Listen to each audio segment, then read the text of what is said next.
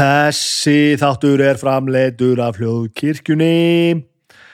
Það eru Baldur bróði minn og ég eins og alltaf og frá uppafi.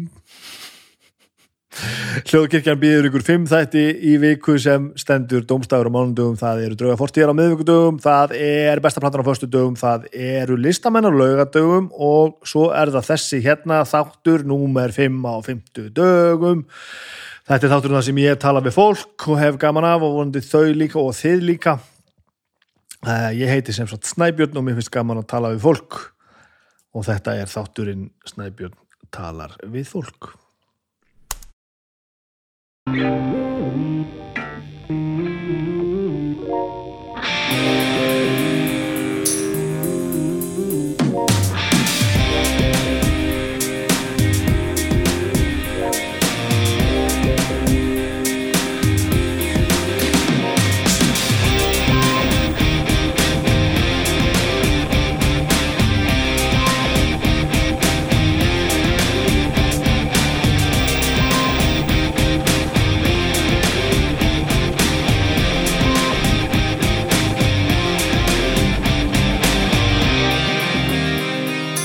Komið sæl, velkomin í þáttinn Snæbjörn tala við fólk. Þetta er þáttinn minn þar sem ég tala við fólk. Ég ætla að ég ætla að eh, nefna strax sem ég hef verið löngu búin að nefna fyrir mörgum vikum síðan allavega tveimur. Ég nú ekki nákvæmlega hvernig við settum miðana í sölu hljómsveitin Skálmöld hvar ég spila á bassa Uh, við erum kannski ekki endilega komin aftur tilbaka á pása en við ætlum að gera það og við hérna settum já, fyrir einhvern vikum síðan settum við í Hálgeri Kirþei tónleika í sölu, við bókuðum Eldborg þann 28. oktober næsta ári.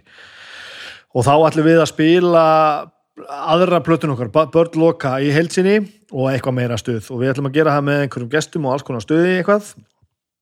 Við vitum ekki nákvæmlega hvernig það verður en við settum þetta bara í sölu og, og við svo sem út breytum nú ekki mikið út fagnarherendi þannig að það eru ennþá til miðar ekki ótakmarkað magn og það verða bara þessir einu tónleikar þannig að ég ætla að benda ykkur á það. Ef þið viljið til dæmis gleðja skálmaldara dáundur með jólagjöf eða bara skell ykkur sjálf þá skulum við fara inn á tix.is sláin leitarorðið skálmöld og kaupa ykkur miða í Eldborg förstu daginn 28. oktober á næsta ári. Þetta eru, hvað rúmið tíu mánuður það er nú ekki það er nú ekki, ekki ráðinni með tímasettekki allavega, loksins myndi ég þetta þessu. Fariði nú og, og, og kaupið ykkur með á skálmöld því að það verður gaman. Annars er þetta þátturinn, snæpið tala við fólk og, og hér eru við sko, það fara að nálgast jólin eitthvað svona og ég er eitthvað svona farin að huga jólagjöfum og það er alls konar jóli jóli vinnunni og þetta er allt saman ljómandi gott sko. Þetta er allt saman ljómandi gott. Það er líka við finnum fyrir því að það er jól þannig við þurfum nú að, við þurfum nú að segja frá og segja fólkinu frá því sem er að gerast hér á samstafsæðilum og svo leiðis eh, Rocksafnið er hérna með mér í dag. Það er eitthvað sem ég hef nú ekki plöggað hérna áður og gleðið mig gríðarlega. Eh, hvað ætla ég að skoða hérna? Ég ætla að skoða þetta hér já. Sko, Rocksafnið það eh, hvað hvað á ég að segja? Ég ætla að fara að segja að Rocksafni væri ég þóri ekki lengur að segja Njarvík eða Keflavík eða neitt. Þetta er bara Reykjanesmæ það er bara flöðs, velkomin á Rocksafni Íslands. Þetta er, þetta er hérna Reykjanesbær. Uh, uh, skemmtilegt að nefna þetta svona í, kjölfarið á Skálmöld. Ég hef nú farið hérna á síðan nafnið á Skálmöld. Þannig að er pínu gaman alltaf að sjá sjá sitt eigin nafn einhvern veginn samspyrt við íslenska tónlistarsögu svona þegar maður er anskotast í þessu í rauntíma þá, þá einhvern veginn hugsa maður aldrei um þetta en það er gaman að sjá þetta hann með öllu, öllu öðru. Um, það eru alls konar munir og fróðleikur og hitt og þetta. Og það er til dæmis að skoða trómusittans Gunnarsjökul sem hafa notað á lifun og alls konar fatnað af, af alls konar fólki bæði sem að Eh, sem að er ekki lengur með okkur og svo bara fólk sem að sem að stígu bara reglulega á stokka ennþá.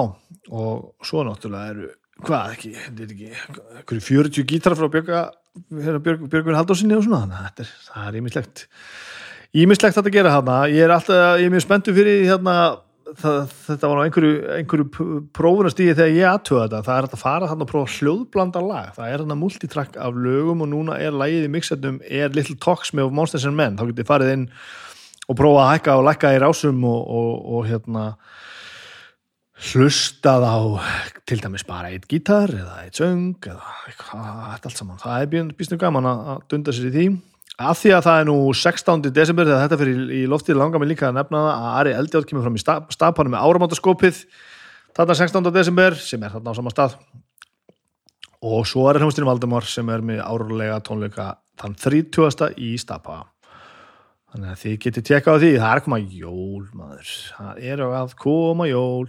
Við erum búin að vera að horfa eins á sjónvarpið. Við tókum hérna Aretha myndina um Aretha Franklin. Uh, ljómandi mynd svo sem. Ég hérna mér leið eins og það hefði þurft svona 6-8 seríu til að koma svo til skila samt. Þetta var hérna stórmerkileg æfi og stórmerkileg kona og við horfum hérna á þetta og vorum eiginlega alveg sammálinu þetta, það var verið að tróða of miklu inn í of, of, of, of knappan tímarama en það svo sem verður þess verið að horfa á. Eftir það við slögtum á því þá hérna ég hérna ákvað bara að láta á þetta reyna. Horfa á Succession. Það er rosa margir að horfa, að horfa á Succession og tala um að það sé þið eina sanna sjónvarsefni þetta sé það besta sem hefur verið gert ég verðum ekki komið langt inn í þetta. Komum búið með þrjá eða fjóra þætti. Þetta er rosalega vel gert og rosalega vel leikið. Karaktergalleri er alveg störla og það er enþá að bæta stónaða ég bara kemst ekki yfir að mér finnst svona bara ekki skemmtilegt. Mér finnst þetta ekki leiðilegt. Þetta er það vel gert að mér finnst þetta ekki leiðilegt.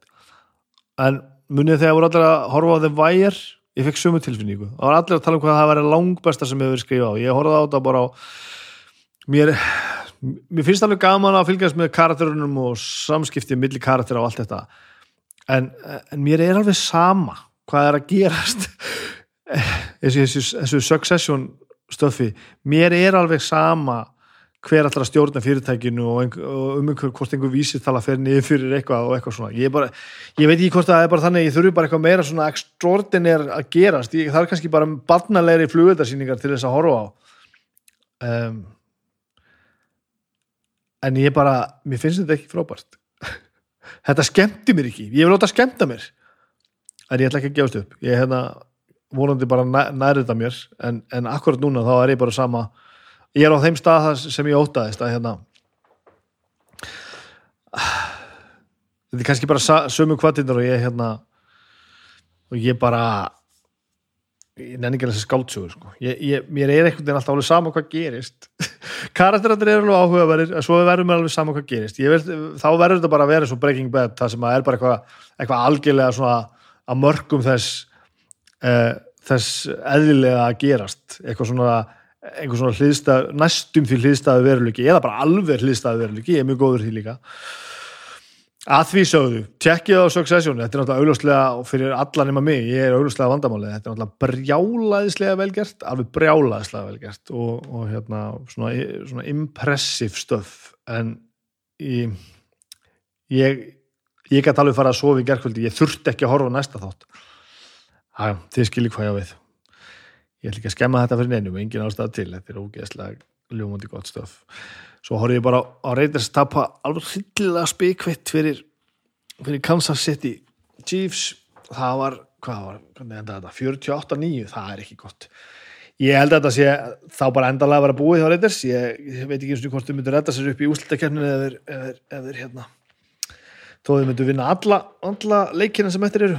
Við sjáum til en e, já, við nú talaðum annars samstarf hérna í sambandu við NFL e, símin Pay er hérna alltaf á endaröst og ég get nú sagt ykkur það að ég get nú tengt þetta við NFL eins að e, matartilbóið matallartilbóið þúsunkallin sem að byrja hvernig einasta þriðudag, nýtt tilbóið öllum þriðudagum, það er eru vinnir okkar bröð, hjá bröðkaupi kaupum, bröðkaup bröðkaup í Kópavói þar getið þið fengið kjúklingamængi, hot sauce og, og, og gráðarsósu með áttastikki kjúklingamængi með chili, vorulög, sellir og gráðarsósu á þúsungall kjúklingavangir lime og alioli þúsundkall, kjúklingavangir korean þúsundkall, þetta er allt saman hér eru við að tala um á bylnu 30-40% afslátt og þið pantið þetta ekki um Simin Pay appið, borgið þar, sækið og horfið á NFL því að vangir og amerísku fótbólti fara afar vel, vel saman Ég get mælt með þessu, ég hef borðað held ég allar tegundir af vangjum hjá þeim bröðköpsfólki og það er ljómandi gott fæði sem reyndar og hambúrgararnir og samlokundur og allt saman. Simin Pace blæsir því og ég ætla að minna ykkur aftur á það ef þið byrjið að um, ef þið kaupi, kaupi jólagefina núna þá þurfum við ekki að byrja að borga þeim fyrir en um, í februar ef þið borgið og græðið allt með Simin Pay appinu. Það er nú þannig. Já, já, já, já. Agnes er að fara til Húsavíkur í þessari viku. Hún er hætt í dagurinni og er að róa og með nýra verkefna og er svona bara að taka stöðuna akkur núna í desember, hvernig hún ætlar að hafa þetta. Hún ætlar að skella sér aðeins til, Akur, nei, til Húsavíkur og Akureyrar, passa sér hvað maður segir þetta. Til Húsavíkur og vera þar eitthvað í vikunni og þegar þetta fyrir lofti þá er hendur nú farin og þetta var nokkur margir dagar þannig að ég og krakkandi verður upp hérna einn heima. Ég held ég sé ekki að ljúa því. Ég held ég að við aldrei verið svona marga daga einn með börni mín. Það vex mér förðu lítið í augum. En ég, ég veit ekki. Ég hérna kannski er þetta bara öll, öll, öll vinnan sjálfsvinnan er kannski að skila sér. Það getur verið kannski er ég bara orðin rólerinn í var en allavega ég, hérna, ég held að þetta verði alltaf leið hún ætlar að fara bara og ég ætla að vera þetta með krakkana. Þetta verður alltaf leið, ég, það er alls konar það þarf að sjá til þess að jólasvöldinni gefi skóin og það er dagatalsandur að fylla svoðar við fimmleikafingar og ég sjá það, ég er strax fann að spana þetta þessu upp mér. Þetta er gott, meira samstarf, samstarf og samstarf og borgareikninga talandum það, bónus. Eh, bónus þar getið þið að sjálfsögðu fengið allt sem þið þurfið fyrir, fyrir jólamatinn en ekki gleyma að þið getið líka fundið jólagjafir. Ég var hérna að skoða top 10 uh, bókalistan eins og það stendur núna. Og það er þetta top 3 Irsa, Arnaldur og Birgitta Haugdal við þurfum ekki meira. Fyrst að náður eða þannig að þið getið farið þar og, og, og keift jólagjafir jæmt og í jólamatinn en ég ætla minningur á það um, þetta ferir í lofti á að frá og með um, fyrstu deginum 17. er opið í öllum búðunum frá 10 til 8 17. til 20. 10 til 8, hvað er ég að segja hérna 20. á fyrsta og fram á þorlásmessu er opið frá 10 til 21 nema í smáratröki skeifinu og spönginni þá er opið frá 10 til 23 til 11 þannig að þið getur farið mjög sent að vestla í, í jólamatinu og jólagefinar í bónus. Smáratröki skeifinu og spönginni til 11 á þólasmessu og dagana þar á undan. Og svo aðfangandag er opið frá 10 til 2 þannig að það, það, þetta hlýtur að vera allt í lagi. Bónus, það hefði ég nú haldið. Allt er þetta nú gott. Þá er það nú bara bara viðtali sem þið eru að fara að hlusta á. Þetta var, þetta var ógeðslega skemmtilegt. Hérna, ég er, er að fletta því upp hérna svörtu sandar. Svörtu sandar sem hún leikur í Jón Aldís Ama Hamilton. Svörtu sandar. Frumsýningin er, var þetta ekki á milli? Ég er nokkuð sem um það, já 2015, þau ætla að sína hana tvo þætti uh, með stuttum millibili 25. desember hefst þetta allt saman á, á, uh, á stöð 2 og við áttum hérna gott spjall og, og, og Aldís Ama. Ferum við af öll og hún er augljóslega manniska sem á að gera mjög stóra hluti hér í framtíðinni. Hrikalega gaman að tala við hana. Eh, ég reyndi að koma upp á hana hérna, sem reynda gekk aðvendu öskunni frá omnum svo ég tala nú að þessum samstarf hérna. Um, hún náttúrulega sagðist ekki sjálf alltaf að fara mikið að borða þetta því hún væri nú vegan og, og sagðist ekki vita til þess að, að omnum væri með eitthvað handa henni. Ég hins vegar tekkaði á því og, og það kemur náttúrulega ljós og það eru náttúrulega omnum býður upp á vegan options hitt og þetta. Eins og til dæmis hérna Super Choco Berry Barley Nibbly Nuttilicious Not, not, Nuttilicious Þetta er ákveðin reference fyrir þá sem vilja skilja. Það er uh, Dark Chocolate Sprinkle with Cranberries Salted Almonds Puffed Barley and Cacao Nips. Suitable for Vegans stendur svo hérna. Þannig að það er nú þannig. Þið heyrið okkur, tala um það það sé ekki, ekki option, eða hana, það sé ekki option frá omnum fyrir vegan fólk og það er ekki rétt. Það er ekki rétt, þið getur redda því öllu saman, en ég þarf nú ekki að blara mikið meira hér því að þið ætlaði að hlusta á okkur tala um allt og ekki rétt, þetta var mjög skemmtileg spjall, hún er mjög skemmtileg og hefur mjög sterkar skoðunir og mjög mörgu og þetta var mjög, þannig að njótiði Mjög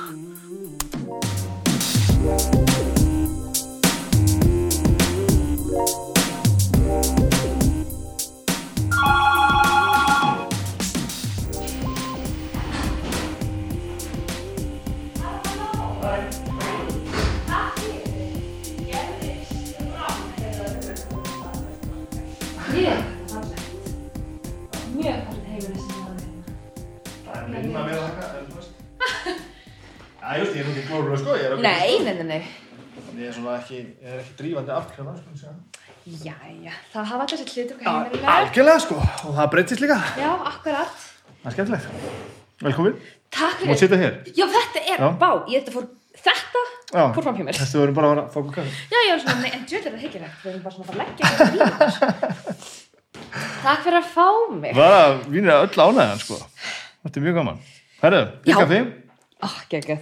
Ég þigg það. Vatn, súkulæði og þitt súkulæði þarna frá omnum. Ó, Sem voru að muna að taka með þér því ég er árglegt að glemma því. þú meinar, ok, þetta er mjög fallegt. Já, og þetta er fáralega gott. Ég borði þetta ekki. Það skaltu gefa einhverjum þetta. En ég trúi þér. 100%. Akkur bara þetta ekki? Sko, þeir eru líka með neitt sem er vegan. Vegan, ég, yes. reyna að komast hjá því að segja það en því að fólk að já, þeir sem eru vegan þurfa að koma í framfæri en maður eitthvað kemst til ekkert í gegnum samtal Er það að segja. samt ekki, er það ekki alveg aðeins að breyta samt? Jú, þú veist, ég, ég bara persónulega hef ég sjaldan hitt vegan fólk sem byrjar eitt einhver samtal að síðan þetta Karin og ég er vegan, þú veist, ég hef ekki heyrt þetta sko, en það er alveg svo ofta því að matur er bara svo mikið í menningun okkar og maður vill ekki vera dónulegur og eitthvað svona, já takk, já fá þér, já, um, Nei. Já, nei, ó, er eitthvað, nei, þú veist bara, ég er vegan. Þetta er eitthvað svona smá, en þetta er að breytast. Herru, ég, við erum bara byrjuð sko. Ó, við erum byrjuð, Þú, þú, ok. okay. bara, þú mátt taka þetta snálættir og þú er hérna. Það er ekki ekki, En þú veist, en ég þig kaffið. já bara, Það er já takk, endilega. Það er, Ah. það er pottit vegan sko. En með það, Já. ég er ánægð með hvernig þú skengir í bollana. Já, Höfum fólk sem er einhver sko, ef þú ætlar að fara espresso, þá farðir espresso, en ef þetta er uppáhætt, þá Þetta fyrir er, bolla. þetta er reyndar aðeins umlega upp á allt, en þú finnur það, þetta voru gett. Það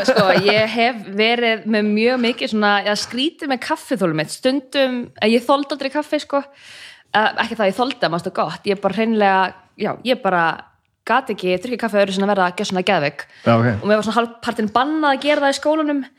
Þannig að ég er að sjá þetta þetta er svona svolítið mitt eins og maður gæti drukkið það með skeið. Er þannig að ég er spennt. En ég, ef þið finnst þetta of, of hérna, of, of sakalegt, þá er ég með vatn sko til að þinna það. Annars verði ég bara hérna svona á yði hálfpartir eins og einhver svona ofirk jólakúla Það finnst þú að byrja á þessu vegandóti sko, ekki að bara, hérna, ekki að bara hætta sér út í þetta, en sko, það er ekkert að hætta sér út í, það er allt í hvað það, mér fannst þetta, ég er náttúrulega, þú veist, ég, ég er maður sem að, mér, mér leiði svo væri ekki matur nema að væri bara svona klumpur af kjöti og sósa. Og hitt allt var bara til að hafa með, sko. Já, það, Það- þú veit ekki einn Nei, en ég bara þannig er maður alveg upp, sko. auðvitað, Og þú veist, svo er ég þessi góður, sko. Ég er bara eitthvað svona stór og þykkur og eitthvað svona, og svona gengst eitthvað upp í því bara, á, verðst ekki að elda hambúrgarum minn, ég ætla að hafa hann bara svona.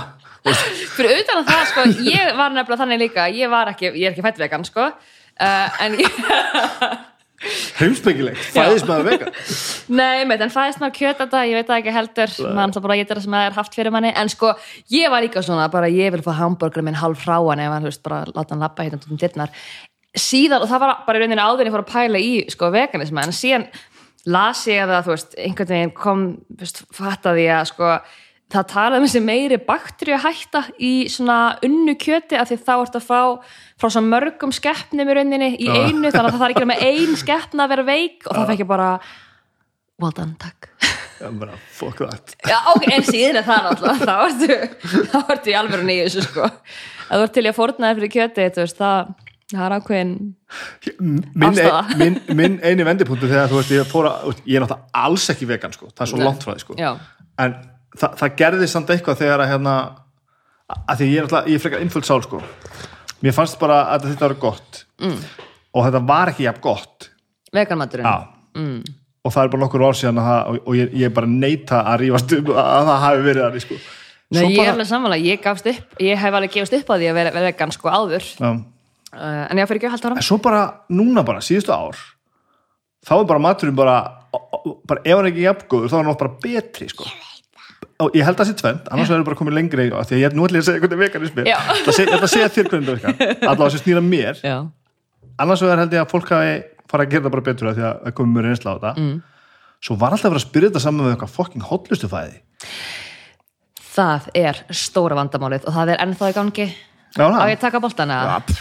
sko, ég til dæmis er með reynt og klárt ofnæmi fyrir því að fara út að borða og vera búin að borða geggja þú veist, þú fer í eitthvað svona jólunhaðborð eða brönds, ég veit ekki hvað, þú ert bara í fimm rétt og það er allt æði og síðan kemur desertinn og það er allir með eitthvað svona Toblerone köku, marins geðveiki og síðan far þú einhver svona já þetta er svona sigurlaus hrákaka án súkulæðis Já. og hérna er sorbet, hann er líka sigurlaus þetta er svona svolítið svona cream og maður bara með fullir virðingu ég varði ekki bara geðveik þegar ég var vegan, skýru, mér langar bara þú veist, og ég ætla ekki að fara hvað maður á ekki að gjaldfælla þetta orð, en skýru mér langar bara stundum að fá mig feita máltíð og góðan desert, sko, og það er hægt að gera bilaða deserta sem eru vegan, en það er einhvern veginn bara það, er, það er svona sérstaklega í veitingamenningu á Íslandi, það er eins og að segja en þá bara svona róf þegar kemur að sko sætundum og veganisma. Já. Þannig að ég er alveg saman þar, ég, ég verð styrluð sko, þú veist, þegar ég fæ rákökur út um eitthvað, ég verð ekki styrluð, ég man bara þakklútt að fólk skulle elda onni sig, en svona þegar maður er að borga fullt verð og maður fær, þú veist, döðlega gott fyrir 1790 kall það maður svona mhm, mhm, mhm. Ég heyri fordómanuðinum Já. Mitt stóra var bara, þú veist, ég er að vinna á auðlýsingastofu sem vinnur fyrir, hvað ég að segja, já, já, vinnur fyrir KFC Já, og, og það var bara?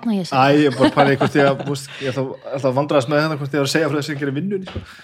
og það var bara, þú veist kom bara vegan, eða þú veist, þeir kalla þetta vegetarian option, sko, Já. en það er hægt að bara, kalla þetta vegan option þau bara, nú er þetta að segja allt um mikið, sko þau bara taka ekki að, þú veist, vilja bara hreinlega ekki standa alveg á bak við það Já, en, já. En, en eina sem er ekki vegan er bara majónisi og þú getur bara beðið um vegan majó og þá ertu bara komið með Já, vegan já. mátti og pælingi var náttúrulega sko fyrstulega á sko KFC eitthvað að vera að blanda sér í það Já, þau bara, e, já, auðvitað Ekki það- við, viljum ekki eitthvað standa fyrir eitthvað grænt endilega, en við viljum samt að allir geti komið að borða þetta með veist, á sama stað sko. Mhm. -hmm. og við erum eitthvað að plugga þetta og veist, og ég er bara eitthvað í þessari herfur og gaman á eitthvað, og bara ég, ég og svo fyrir ég að prófa þetta og þá er ég bara sko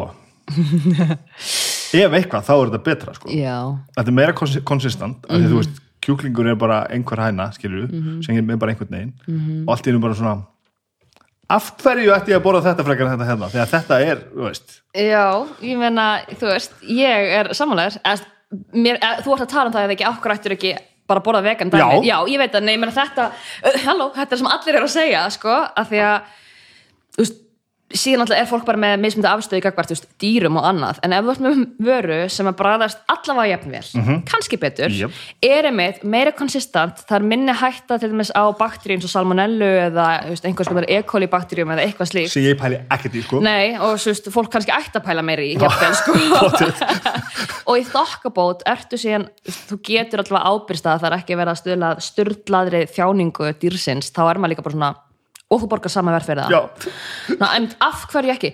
Sko, e- hreinlega ástand fyrir því bara að ég held að þetta sé ekki bara algengara þvert yfir að því ég meina þú veist aftur, bara frá svona kapitílsku sjónarhorni það meikar alltaf bara sens að ef að vara er alveg eitt góð og eitthvað annað og veist, hættu minni en til og með stýrakjötu þannig þá auðvitað ætti allir að taka þau upp en ég held að sé bara því meður náttúrun að þakka bara ódýrra að framlega kjött en það er að framlega vegan vöru. Já, já Veist, ég, held að, ég sé hann bara ennþá það ég held að sé, veist, ég veit ekki akkur, ég hef ekki skoðað rannsóknina en skilur, ég er bara ímyndi mér að það er bara svo auðvelt að fá dýr til að fjölga sér. Veist, þau er ekki eins og að fjölga sér, það er náttúrulega bara einhver tæknifrókun í gangi Já. sem er líka bara svona oh, og þú, þú getur ekki að láta gras vaksa þú veist, mikið hraðara en þú, þú gerir með einhver svona GMO, uh, GMO hérna, efnum, og þú veist, það er alltaf einhver ákveðin tími. Þannig ég bara svona ímyndi mér, þú veist, að það sé ennþá, þú veist, hagstæðara og hraðvirkara, ef það er orð Já, já. að nota kjöt sem- frá dýrum en ég held í alveg þetta sé að frá að breytast. Ég held bara, þú veist, maður vona það. Þú veist, ég ætla ekki að fara inn í eitthvað svona, ég ætla ekki að fara í siðferði því þá fólk hérna verður oft bara svona, og því líður illa því enginn vill drepa dýr, skilur svona heilt yfir. En bara svona frá, þú veist, framtílu sjónurlöðin, er einhvern veginn ímyndir maður sér að það sé bara þú veist, ég, ég, ég veit bara ekki, við vitum alltaf meira og meira, ég, bara, ég veit ekki hvernig við erum að fara að halda áfram, bara með því að það sé verið að varpa hulinn af verksmiðbúskap, bara Ég held að stóri sigurinn verði þe- þegar að þegar að fleiri en, sem eru svo ég já, komast á þess að stað sem ég er að komast á. Já, sem er sko, ég veit allt þetta með bakteríunar og ég veit allt, þú veist, ég, mér, mér langar ekkert að vondu við dýrin, ég er bara svona ákveð að sjá það ekki, sko. Að því, þú veist, ég, hvað, ég gerum alveg það. farið í sveit ég veit alveg hvernig það virkar, þú veist, ég er alveg þar já, já, sko. já, um mitt en hann ég með þetta allt svona fyrir aftan bara, Mhm. allar, hérna, allar ómannúðina og, hérna, og sýkingarhættinu og allt þetta drast, sko. Já, já, já, en þegar ég get bara látið mig líða vel með það að, að gera hitt sko og svona vita þá að hitt er meðlagi að því mitt er bara í forgrunni, ég er bara maturum þessi góður sko. Já, já, já. ég er bara ekkert flóknar en það nei, nei, nei, nei en þegar það er búin að ná mér í þangað sko að ég bara fyrir að borða veganfæði sem er bara nákvæmlega jafn gott ef ekki betra mm -hmm. Það, er frábært að skipta því sko. Já. skipta því út að þá getum við bara látið líða vel með allt hitt ok, ég er þá ekki að gera hitt sem að ég veit að það er slemt en ég ákvað að hugsa ekki um Þetta er nefnilega mjög áhugavert sko, afstæða mjög margra til veist, vegan fólks eða þannig að vegan lífstíls er yfirleitt bara sko, all, öll reyði og all ósætti og svona skilningsleysi ég held að komi bara út frá skömm viðkomandi Já. að því fólki líður illa, ég meina auðvitað það líður engum vel yfir því að valda einhverjum óþægndum eða sársöka eða eitthvað. Þannig að síðan kemur manneskja og, veist, og ég meina, auðvitað er til fullt af fólki sem er veganur óþólandi, ég ætla ekki að fara af því veist, þetta er bara, fólk er óþólandi algjörlega burt sér frá þetta er miklu fleiri sem er ekki vegan og róðhólandi öllu. ég ætla ekki að segja neitt um það en þú veist, ég skil alveg að það er til fólk sem er vegan sem er bara að koma hérna og ég hef alveg gert það sjálf, þú veist, maður verður heitt hjá sem að fer í svona, hérna, árásarham og fer í bara, hvað er þetta, en mér hvað er það? Og þú veit, er það ekki þægilegt? Og hérna, ok, nú er ég komin í eitthvað svona algjört en sko, gott að byrja þessu líka. Já, já, nákvæmlega, en það er sko, hugtak sem breytir rosalega miklu mínu samtal við fólk varandi bara alls konar hluti er, heitir backfire effect. Og það er geggjast hugtak í heimi og ég ætla ekki að fara út í það því ég er ekki vísindabæðin en bara svona, þú veist, ef þú ert að heyra þetta kærlustandi, googlaðu backfire effect, þetta gæti mögulega breytt þinni heilt yfir, en það í rauninni svona, long story short að snýsta bara um það því meira sem þú ert að ráðast á sjálfsmynd einhvers að þá ertu bara í dæmlingur til hodni sitt. Og þannig hefur þetta samtal farið ógeðslega lengi, Já. þú veist, þín sjálfsmynd er bara, ég vil að maður er svo góður ég, þú veist, vil bara, ég er alveg upp á því einhvern veginn og það er bara, það er ekki, þú veist, kjötaborðinu þá er þetta bara kaninufæði og þú veist, það er bara einhvern veginn svona þitt sjálf kannski og ákveðin styrkur í því og þú veist, síðan erum við náttúrulega bara í samfélagi sem hefur farið í karnarskóla, babbarborðinu kaffið er alltaf byrjað að keka inn en veist, ég skilar við að það er þetta er bara ákveðin árás á sjálfið þegar einhver kemur síðan bara svona, já, en af hverju ert þú ógesla vond manneska sem borðar kjött þannig eins og segir, þetta þarf vel að vera þannig að maður getur bara svona, þetta er meira svona kannski að leading by example, bara, veist, heyrðu, hérna er trilltur hambúrgari. Mhm. hann er ekki kjöti. Uh, ert þú til að smakka hann kannski bara opin hug ég ætla ekki að segja hvað það er á að finnast. Og fólk er yfirleitt bara, hm, já, ok fyrst þú ert bara svona að bjóða mér upp á skuldlausan option og ég má alveg segja, veistu, þetta er ekki eitthvað gott að vennilega hambúrgari, það er til að prófa þetta. Hm, þessi hambúrgar er bara frekar góður. Tja, Já. seg mér ef hann er ekki bara betri. Og þannig, þannig breytist þetta. Þetta finnst ég að það er nákvæmlega, ég, ég var bara í brúðköpi þar sem var bóðið upp á svona, svona fjóra tegundur af míniborgurum sko, já, frá sama staðnum sko, og hefur allir ógæðslega góður já, og einn var bestur og það var veganborgarinn. Og það er svona turning point hjá mig bara, ha, við erum komin hingað, ok. E, það er líka alveg ástæð fyrir því að þú veist, þú ferð í matabóð og þú ætti alltaf að vera að flýta þér að borða veganumatina því að það er hann sem klárast. Ég veit ekki svo oft ég kom við einhver staðar og það er bara svona heyrðu guð, vegan kakan klárast en ég er með sjö aðra sortir, það eru allar rjómatertur og maður alveg, Yey. en veist, það, mér finnst það eiginlega bara gott, það er bara svona, ok, það er fínt. Þá eru kannski, veist, nokkrir í þessu matabóð sem hugsa, æ, veistu, ég ætla bara að gera þetta næst. Ég er með pínu fórskot á þetta held ég að því að ég er í, í þungararhljómsett sem túrar um heiminn.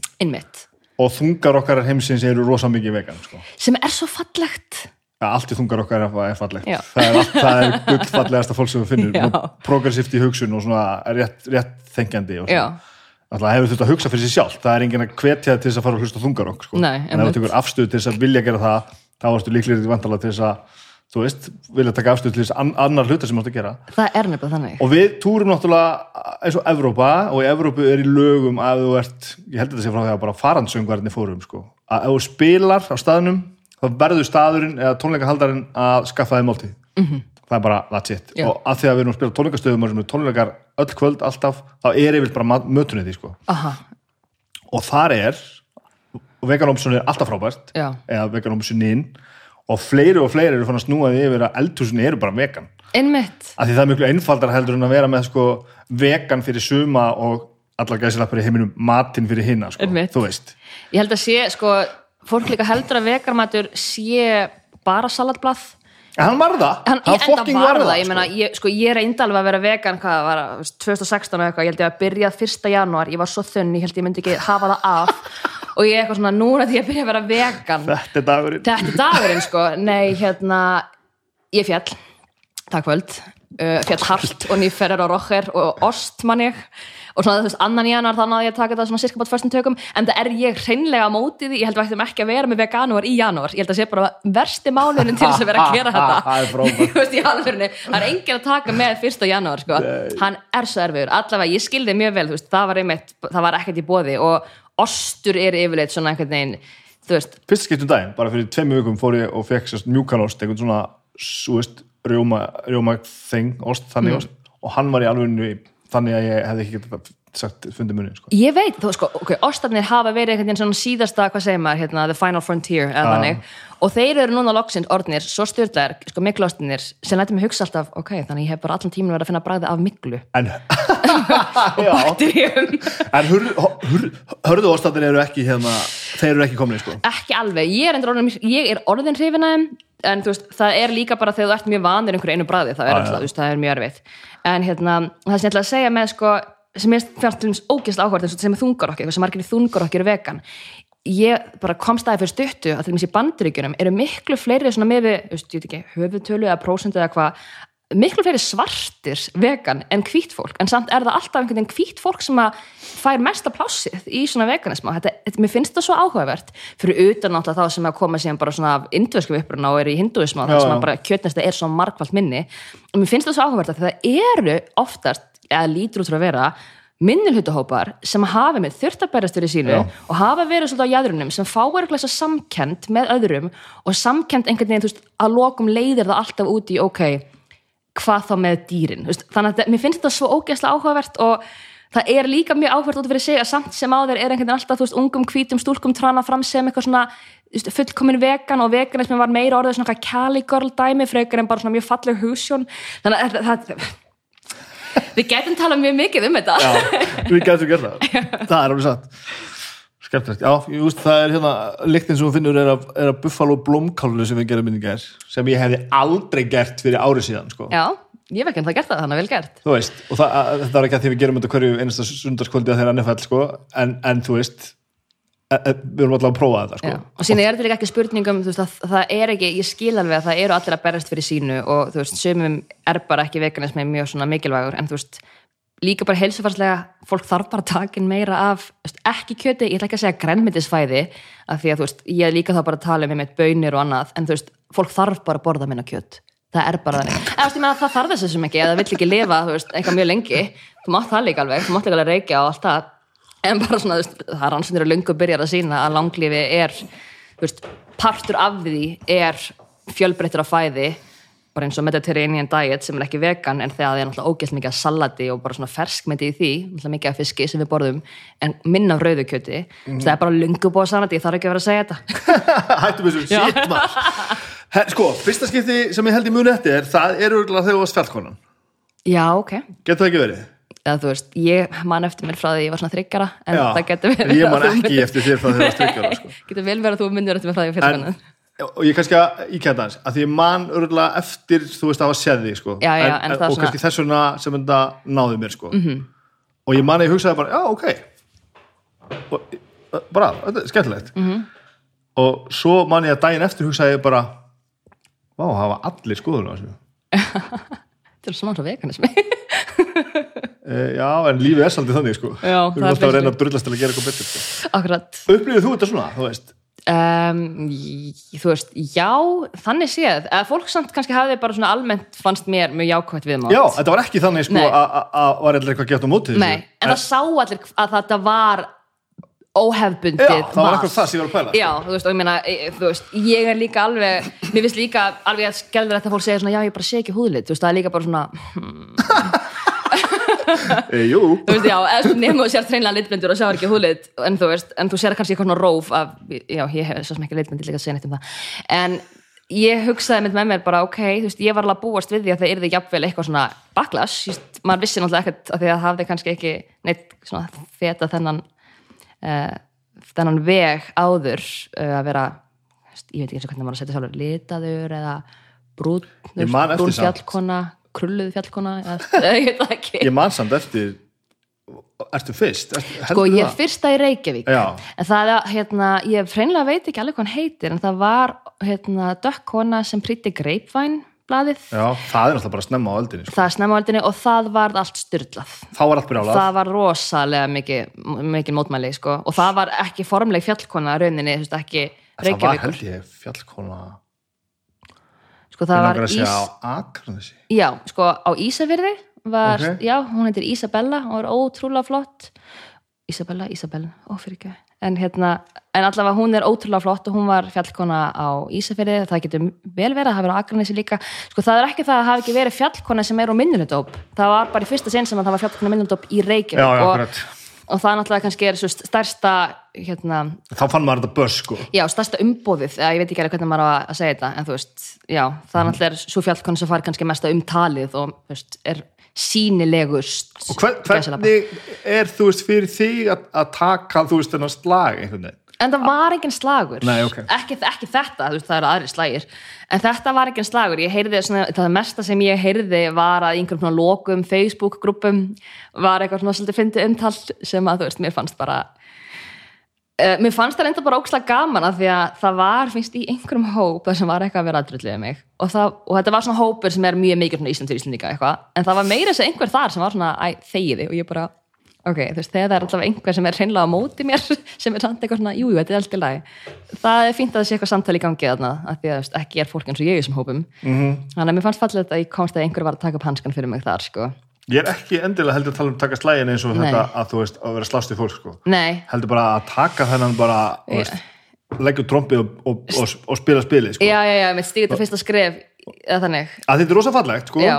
og þetta er rosa, þú veist, göfugt og haldt saman en ég komst ekki hjá þessari hugsun og hugsa bara ok, það, það er samt nú er búið að stimpla þetta einhvern veginn sko. Já. og þetta verður náttúrulega að taka skrifið, ég átta með á því Mhm. að þetta er bara, maður var samt einhvern veginn bara já, ok, við getum ekki við getum ekki sleftið að tala um þetta við Nei. verðum að tala um þetta einhvern veginn ég held þó svo að þetta sé náttúrulega alls ekki pólitískt umbóð eða neitt þannig þá er þetta það er svona hvað maður að segja pólitísk uh, slikja sem fylgir Já, þessu vali. Ekki slikja, þú veist, neikvægt orð en svona, þú veist, þú getur ekki ekki hort á þetta af því þannig er menningamálur á og fórstinsráður sem að, þú Já, veist, já, ákveða þetta. Þú getur ekki hort á veist, það að ég hafi verið hérna, valin eða bóðið þetta hlutverk ekki með veist, þunnari pólitískri lensu sem er rauninni bara ok uh, núna ætlum við sem samfélag bara að stíga þetta skref og segja þú veist,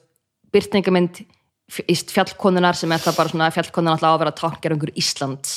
Það Þannig er íslenskt og að gerist Já, sko. þú veist það bara svona byrtingamyndin er orðin fjölbreyttari. Þannig er það, ef það er vandamál þá eru við svona flest einhvern veginn bara búin að taka þetta samkomlega þannig að þú þarf að check yourself. Þetta, þú er náttúrulega svolítið þannig. Þannig að mér fannst alltaf bara geðveikur heiður. Þannig sko og ég var, ég var mjög stressuð af því að í fyrra árun og undan þá höfðu verið mótmæli ég get ekki munað ég get ekki meina hvað það var en það hafði einhver svona verið einhver svona þú veist, hróp og köll og það var ekki út af fjallkonir það var út af einhver sem ríkisvöldin gerði.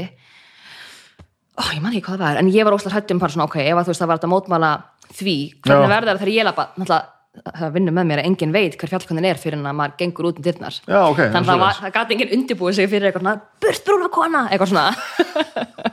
Veist, en það voru vist einhverju í þessum hópum sem voru svona þessi kona ætti nú bara að vera stolt af upprunni sínum bandaríkjunum. Vanlega, But, mm, ok. Veist, það eru bara einhverju svona sem vita ekki betur. Heldur að þessi hluti sé að breytast? Já, þeir eru það.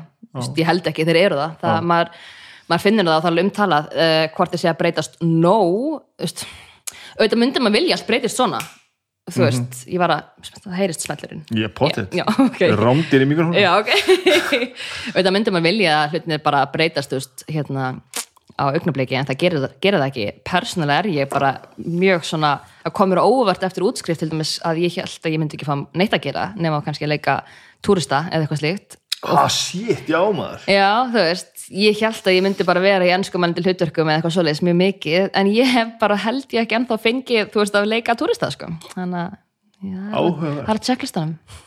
Það, það, var, það, var, það var góður vendipunktur ég sá að framtíðin væri sennilega betri heldur en fórstíðin. Já, nákvæmlega. ekki það, ég var með, hérna, var með dóttur mín í sundi Mm hún er hvað gömul. hún, hún hefur verið, fi- hún er sex ára núna Ok. Mhm. hún hefur verið fimm ára, fjör, fjögur eða fimm ára mjög svona skýr, skýr krakki sem tekur eftir öllu í kringu sig sko. Mhm.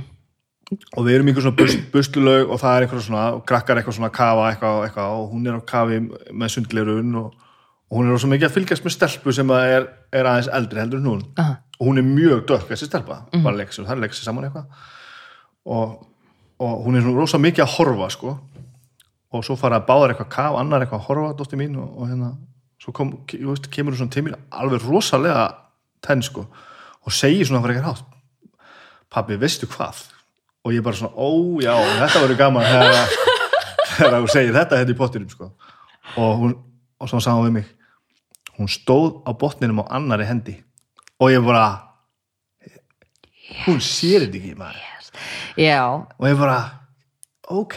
Sko, hún sér þetta, Já, þetta veist- er bara ekki, þetta er bara, fyrir henni þetta bara, venjulegt. hefur þetta bara ekkert vægi sko. já, það er málið, sko, veist, þegar fólk segir að það sjá ekki húðlit og svona, þú veist, allir sem eru, veist, eldri en fimm er að ljúga. Og, og síðan er þetta líka, veist, þetta er kannski meira svona hver er meiningin á bakvið, þú veist, ég heyr, ég veit að fólk er að meina, þú veist, það bara skiptir mikið máli, þú veist, hvort þú ert brútn eða hvítur eða hvað, en oft er fólk líka þá stundum að taka inn bara svona menningarlega blindu og það er vandamálið, þú veist, þegar fólk segir svona já við erum bara allir eins, ég skil ekki okkur, við getum bara allir vinir. Og maður er alveg, já ég heyri það. En auðvitað ertu samt þá, þú veist, það, við, við verðum samt að hafa ólíkar menningar því það er það sem gerir lífið skemmtilegt og áhugavert, þú veist, Já. ég guðminn góður, ég myndi ekki vilja búa í landi þar sem að það væri bara ein menning sem að basically var þannig fyrir svona 20 Já, ára sér nákvæmlega, þú veist, og bara mjög sem bara svona, að ég þarf ekki að ferðast það því að ég bara veit hvernig hlutinni virka, kannski langar mér í sól, það færi bara til kanir en það er bara góð, skýru þannig að ég, svona, fólk er oft svona að ruggla sér svolítið saman, þú veist, það þarf alveg að upphefja menningar, veist, og, og gefa aðgang að þeim, en fólk rugglar okkur slátt kynnt þetta menningu, já, já, já, já. þannig að þú veist, að fólk segir svona, já, ég vil skilja ykkur, getum við ekki bara öll verið eins og eitthvað svona og bara, bara liggu við að segja, þú veist, akkur er menningan, eða skýru, maður alveg svona, mm, Þú þarf líka að viðurkenna að þó svo að þú sjáur ekki húlit einhvers, þá verður samt að skilja að hann samt er kannski mjög meðvitaður um það af því að hann hefur orðið fyrir fordómum. Já, og það já, er sem er líka rosalóft að gleymast að fólk er bara svona, akkur er allir svona reyðir veist, ég, ég skil þetta ekki.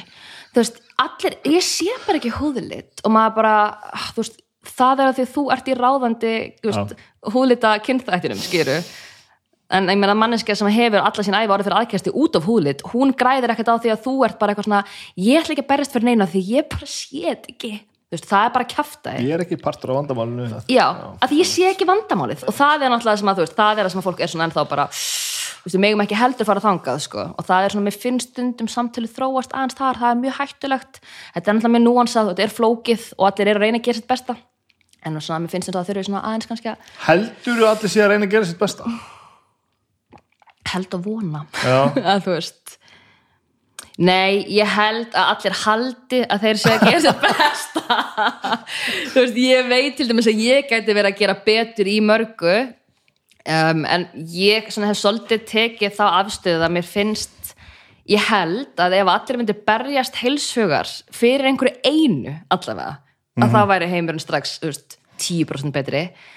Um, og það eru kannski ekki alveg nómargir finnst mér að því. Mér finnst svo sumir sem að hafa það kannski fínt vera svolítið að taka þetta einmitt, ég upplifu ekki vandamál þannig ég skil ekki okkur það vandamál. Og það, þú veist, það er bara forréttinda blinda döðans ef ég ætti að koma með eitthvað eitt sem að ég ætti að, að, að, að ráðleika fólki sem er eins og ég sem er kallkins kvítt á miðum aldrei og, og, og hefur allt til alls sko. það er að drullast þess að reyna að hlusta í alvörunni sko. ég gerði það ekki í mörg ár ég var handviss um að ég var að gera það sko. Já, ok. svo bara gaslata ég bara alla því að ég vissi nákvæmlega hvernig þetta var sko.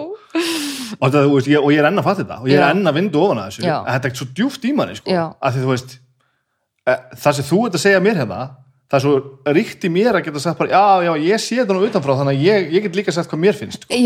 En mér á bara ekkert að finnast neitt um það sko. nei, en sko en það er líka alltaf læg að finnast eitthvað en þú þarf bara alltaf að geta að hugsa ok, af hverju finnst mér þetta? já, eða það, já. Það er alveg það. Og við höfum, eins og þú segir, við höfum skoðun á öllu. Vi, við, við bara gerum það, þú veist, og það er bara það er, í, það er skilju ástand fyrir því að hlutinni virka er að því að einhver segir heyrðu, ég vil skoðan á þessu og ég vil breyta þessu eða ég vil bæta þetta, eða ég vil halda þessu áfram eða, þú veist, eða ég vil gera þetta betra eða skilju eitthvað. Við bara, við gerum keirað áfram að því að hafa skoðan á hlutum skilju, þannig eigum við í samtölum við eigum, þú veist, þannig breytum við bara, þú veist, heiminum í rauninni með því að hafa skoðan hlutunum, en við þurfum bara alltaf að vera veist, meðvitið um, ok, hvað er það sem veldur þessari skoðun? Veist, það má heldur að því bara sko um leið og við reynum að stinga haun í sandin, þá er það búið. Já, Þú veist, um leið að segja bara svona já, ég bara er ekki sammála. Punktur. Þá svona, ok um, þá höfum við ekkert meira ræðum og þá getum við bara aldrei aftur hist frekan segja, já, ég er bara ekki sammála en núna þegar ég hugsa út í að það er ekki sammála því að þú veist, samfélagi er búið að láta mig upplega þetta, þetta, þetta, eða ég er alveg upp þess svona, svona, svona og núna þegar pæli þá kannski er þetta ekki alveg rétt og jú, veistu, ég kannski er sammála, ég veit ekki, leið mér hans að pæli. Þú veist, það, það er bara í lægi við erum bara hérna alltaf, við erum alltaf í og sérstaklega þegar það kemur svona styrlað ástand eins og þegar Black Lives Matter fara á stað og svona og allir fara bara í stríðskýrin annarkort ertu bara, bara on the attack eða defensive skýru offensive eða defensive. Og þá eru allir að búast við því að það þurfi allir að svara strax rétt og veist, það þurfi allir að hafa réttan hugsunátt í dag. Og það býr bara til annarkvort fólk þegir eða það fer að rífast þú veist, eða það bara, ég veit, stingur höfðum í sandin og segir bara, þetta er ekki mitt mál. En ef við getum öll einmitt bara hlustað og tekið það inn farið í gegnum okkur, leiftu þessu bara að fara í gegnum okkur því sem er að gerast og við gefum okkur tíma ég trú ekki öru en þá muni hlutinni breytast og fólk muni, þú veist, einhvern veginn sjá hlutinni í skýra ljósi. En þetta er alltaf spurning um, þú veist, einmitt að hlusta og skoða sjálfan sig, veist, þetta er bara það að það sko. Já, þú veist, það er bara sjálfskoðanin sem er skortir svakalega og, og veist, eins og þú bentir á, krítur mig aldrei karlmaður í bara bestu stöðu, það hefur engin, það hefur ekki verið þörf fyrir einhvers konar sjálfskoðun, og síðan kemur allt í einhver og öskrar á þig, og fer maður bara í lás. Ég gaslýsi helling, ég hef gert það, ég var líka að heyra um gaslýsingu bara í fyrsta sinn, þú veist, núna fyrir svona tveimur árum eða hvernig sem þetta varði einhvern veginn svona, þú veist, almennt umtal og það aðralega, það var fokkin óþægilegt sko. það, það er bara skelfilegt Það er ógeðslega vond að því og maður gerir það bara að maður er svo sannfærir um að fólk skilji ekki þú, veist, nei, nei, þú skilur ekki hvað ég er að reyna að segja Já, og, en líka bara því að maður er manipulerandi, óþálandi manneskja, sko. Og maður, Já. maður, maður, maður sér maður sér veikleika fólks og maður, ég bara get alveg veist, gengist í því. Ég hef alveg séð veikleika einhvers og bara stíð inn í það og bara potað þú veist, vitandi að ég hef rétt fyrir mér og þetta sé bara góð leið til þess að láta manneskina sjá það með því að segja, þú veist, já þú náttúrulega ert svo, þú veist, þetta ekki ör eða eitthvað, þannig að þú getur ekki séð þetta skýrt, því þú ert bara full í haustum en ég er alveg ég er ekki, ég er ekki að lýsa einhver raunverulegu samtali. Bara, maður hefur gert þetta það er óþægilegt og það er líka mikilvægt fyrir baratuhópin að muna svo hluti, vil ég meina sko. Þeir sem er að berjast auðvitað er fólk reitt og ég ætla ekki að segja fólki, fólki ekki var reitt og að meikjur reitt en þú veist eins og til dæmis hjá mér sem hef ekki þurft að þóla ógeðst mikið á fordóma með erfileikum einn skinni, þú veist, ef ég ætla að fara að vera ösku ill yfir einhverju sem ég hef ekki upplifað þá er ég ekki að gera neinum greiða. Nei, nei, nei, veist, stundum hugsi ég eins og þú veist, þú talar um að taka þennan slag þegar ég verð fjallkona, þú veist, mér finnst eins og ég er í þeirri fornindistöðu, ég hef ekki þurft að þóla mikið, þú veist, misið þetta en ég er líka í þeirri stöðu að ég er mjög meðvitið um það því að meina, fjölskyld mín er svört veist, í Erlendis og er búin að upplifa allan anskotan, þannig ég get ekki ekki vita þeirra harmi, en ég get verið kannski svona smá, millibilið þar sem ég er ekki það, veist, ég er ekki búin að upplifa það mikið að af ofbeldi á einn skinni að ég get ekki lengur átt í samtölu við einhvern sem er til fáfróður eða þú veist, vill ekki opna sig. En ég get samt verið með þeirra vittnesku og þeirra þú veist um, bara svona ævi og fortíð á mínu baki til þess að geta átt þetta samtal og sagt ok, þú veist, ég, ég heyra að þú ert ekki alveg móttækilegur, ég heyra að þú ert reyður ég ætla ekki að fara að öskra þó að þetta pyrri mig mér langar bara, þú veist, að hlusta þig og kannski hlusta þú á mig. Ok, þetta er erfitt að koma, erfitt að koma tilfinningastundum í orð Nei, var, ég, skil, ég skil ég bara alveg Já, sko. vonandi, en ég, þú veist, máli er bara auðvitað, til dæmis bara Matter þú veist, auðvitað er fólk reitt, hvernig getur þetta ekki verið reitt eftir allt sem verið, þú veist, það er bara stutt síðan þrælahald var afnumið í rauninni, skiljur, ég get reykja eftir mína bara til langömmu minnar sem var, skiljur, kemur bara frá þrælum. Bara þú veist, auðvitað er fólk reitt, minnst þetta bara galað íslendingar sem ekki reyður til Dani en þá, sko, ég er bara þar. En, Það var samt svo krútlegt miða við þetta sko, já, auðvitað var að krúlt kannski Þetta er ekki að gjaldfell þetta, krútlegt er ekki gott orð en þú skilur vonandi hvað er að fara. Já, auðvitað var það ekki, sko, það var alltaf bara byrtingin minni var allt, allt öðruvísi. Um, og ég ætla ekki að fara, þú veist, máli er að það þarf ekki að meða allt út frá, þú veist rántöku afrískra, þú veist, bara fólks eða þannig, en auðvitað gengu Íslendingar gegnum algjöran viðbjóð líka í mörg, mörg, mörg ár af höndum, þú veist, annara þjóða og við vorum nýlendi þjóða, það er allt margt ógislegt mér finnst það bara stundum finna að við erum alltaf að læra dönsku skóla. Ég er that's all I'm gonna say. Já, fyrsta lagi út af þessu og öðru lagi bara hvern anskotan er að gera við þessa dönsku? Ég meina, það er í rauninni bara einhver svona nýlendu Já, veist, arfur. Já, já. sem er rosa skrítin bara því að hann, hann þóknast okkur ekki einu sinni Hvað gerir svo þegar maður fyrir útlanda? Þú ætti að læra fucking ensku, þú ætti að kunna hana næst ætti að kunna spænsku. Já. og svo frönsku Já.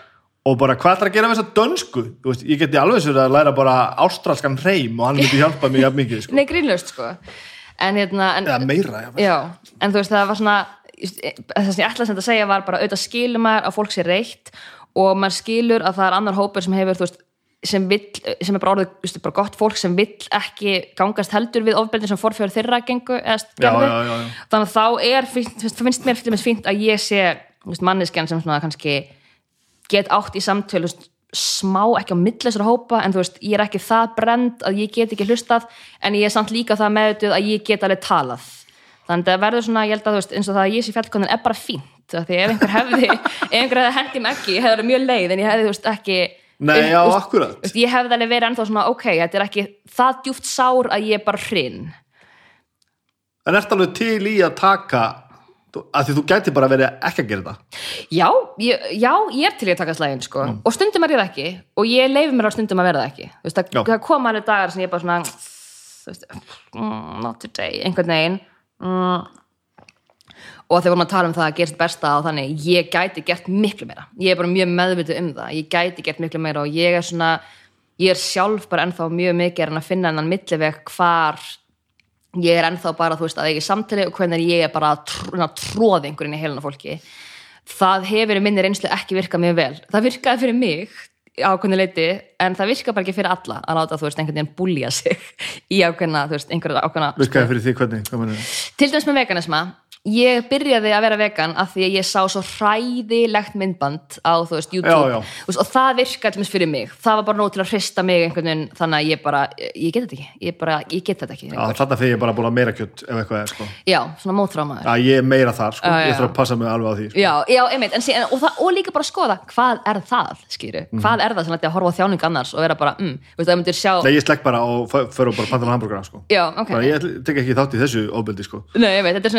er að sjá, þú veist, hérna, börn sauma paljettur og kjól og vera eitthvað, mm, ég ætla að fara að kaupa með paljettkjól Mér líður frekar eins og þess að sé einhver að, að segja með hlutina á þann hátt sem þeim hendar Já, já, já. Skilur, ég er ekki að segja þetta sé rámt Nei, en svona agenda feeling sko, þá Já. ég bara ég get alveg gert heimildamöndum að kjöta átt sé frábært sko já, ég er alveg frekar klefur góður og, og já, frekar góður að, manipulata hlutina sko. Já.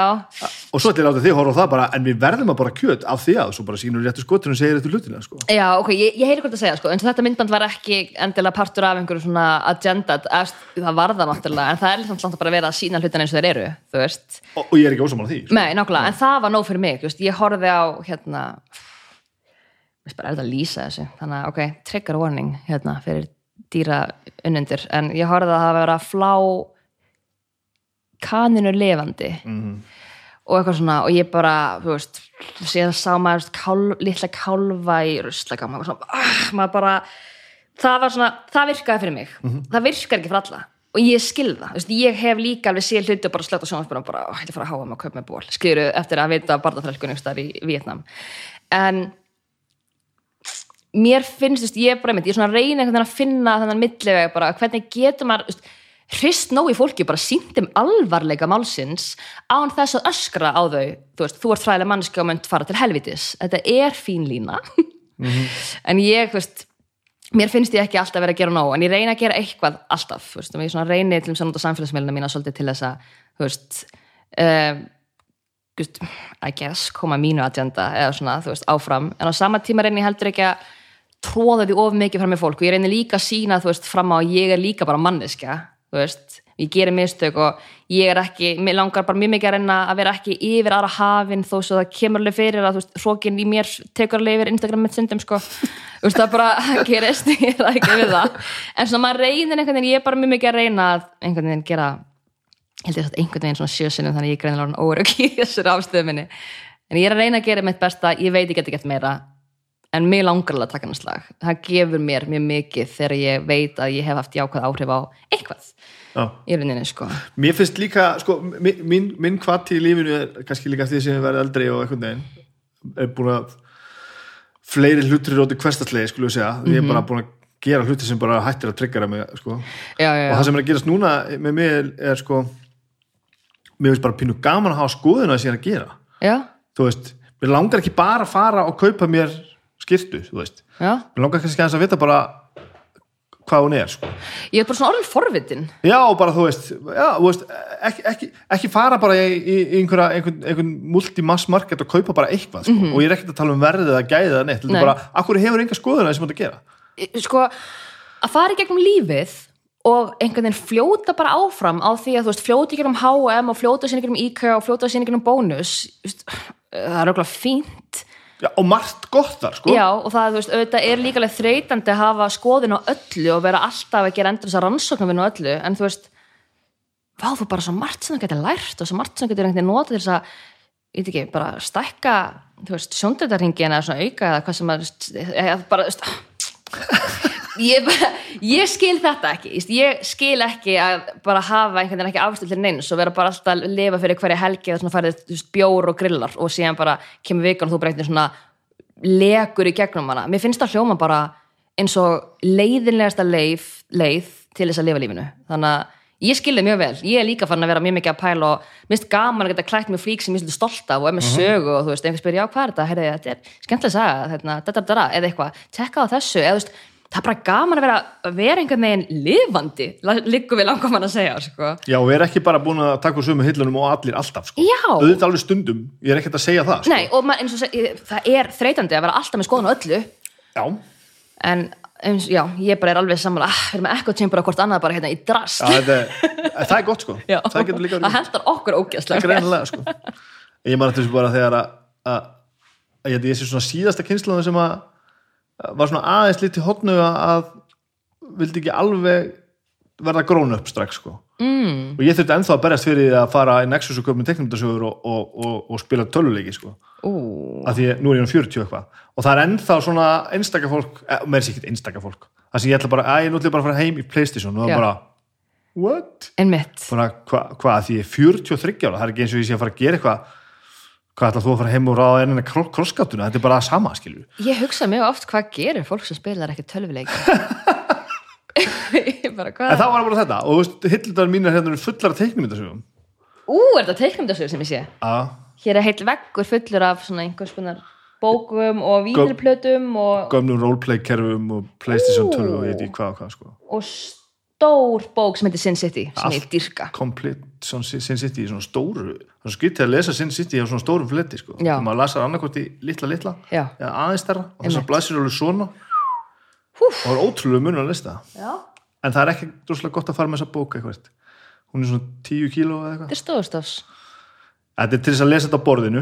Einmitt. Það er bara þannig sko. Já, Hérna, hefur sko, svona skoðinir á öllu? Af því þú veist, við fórum einhvern veginn bara inn í að spjalla og erum búin að spjalla saman einhver tíma og bara, á bara, bara baráttumál og baráttumál og þó þú veist einhvern veginn skoðun eftir skoðun. Ég hef ekkert skoðun á nákvæmlega öllu þú veist, ég hef ekkert skoðun á því bara einhvern veginn hvernig fólk hérna, ég veit ekki sker grasi sitt við einhverja millimetra eða þú veist hvaða malbyggur notað þannig, en ég hef skoðun á mörgu. Um, ég hef skoðun á því sem skiptir mig máli, auðvitað og varst alveg svona verbal með það. Þú svona lætur fólk alveg vita ef þér finnst þess þurfa allavega. Já, ég er að reyna að vera betri í því. Það er eitthvað sem að, þú veist, ég meina við erum bara öll alveg uppið það, þú veist að valda ekki, láta ekki öðrum lí- líða óþægilega. Og ég er mjög mikið Geðvik setning. Já, bara grínlaust. Um, og ég er mjög mikið í því núna þú veist, að bæði bara, veist, vera outspoken og segja hvernig, veist, hvað mér finnst og ef það er eitthvað sem er raunverulega ránt og þarf kannski að leira þetta Já. en líka bara að líða óþægilega er ekkert það er ekki neikvætt Þú veist, það er ástæða fyrir því en það, það er einmitt partur að ef maður er- byrjar í svona sjálfskoðun þá er það bara að líða óþægilega er næstu því gjöf því þá allavega færðu tilfinningu sem er svo sterk og svo skýr að þú getur mjög auðvitað sagt ok, af hverju líður mér óþægilega yfir þessu hmm, ok, er það kannski að því að ég er ekki alveg, þið er ekki alveg að stemma við mín gildi, er ég kannski að gera eitthvað sem ég er ekkert mjög stolt af þannig að ég held að þú veist, við ættum í rauninni að vera dugleiri að leiða okkur líða óþægilega og, og vera minna feimin við að láta öðrum líða óþægilega, að þú veist það gaman að mig í matabóðum allir bara svitna? Já. Af hverju? bara er þetta lykt af stressi og kvíða sem ég finn en ég meina, já, já, jú, ég er með skoðan á, á mjög mörgum hlutum Já. Heldur þetta, þú erum að tala um þungar okkar mm. Heldur þetta sem hafa eitthvað með þetta að gera þú veist, þú ert ekki bara eins og ég, bara einhvern veginn bara fætt einhvers staðar og ég óls bara upp út á landi og vissi ekki neitt sko ekki að ég segja að drull- að drullu við landsbyðina þú veist, ég, og, og bara óls bara upp einhvers staðar í fullkomnu svona áhyggjuleysi og, og ég vissi ekkert að heimur var slæmur sko. ég hafði ekki hugmyndu um það, ég sá það í sjónvarpinu sko. Já. og ég þurfti ekki að hafa skoðunum einu af því að þetta kom allt bara til mín sko. veist, ég veit ekki hvað veldur því beint að fólk, ég náttúrulega er alveg upp bara í byllandi forundum líka sko um, En þú ert samt ekki, þú veist, eins og allir í kringu þig. menn er útlitslega Já. Og þú ert ekki með svona sögu heldur. Þú veist, þú ert með, þú átt einhverja ættinga sem að þú veist, þú, sem, þú, þú í. Nei, ok. ég er nefnilega þekki ekki annar raunveruleika ég er inngöngu alveg upp af móðu minni og stjúpfjör á Íslandi Ok. og ég hef aldrei hitt pappa minn, blóðföðu minn og ég hef, ég hef hitt hálfsýstu mína sem er samt blóðskild mér en bara einu sinni, þó að það sé mjög gott á milli okkar núna, en hitt, við hittumst fyrst 2018 Ok, Já, ok.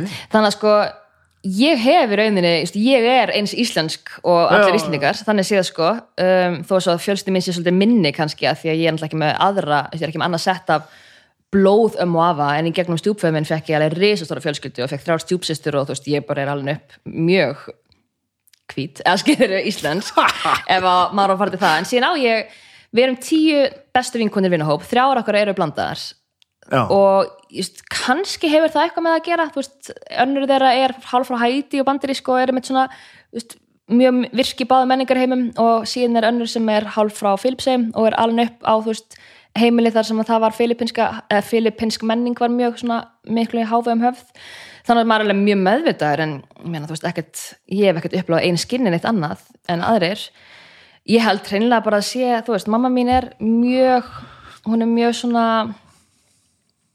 hún hefur sterkar skoðanir hún er mjög ekki, hvað ég er að segja ekki umbyrlind, heldur svona a kind person. Góð manneska Skilurðu? Já, það, er svo, það er bara svo gjaldfælt orð að segja góð manneska en bara svona, hún er með mjög mikla samkend mjög ríka samkend og jafnvel meir en ég vil ég meina, sko.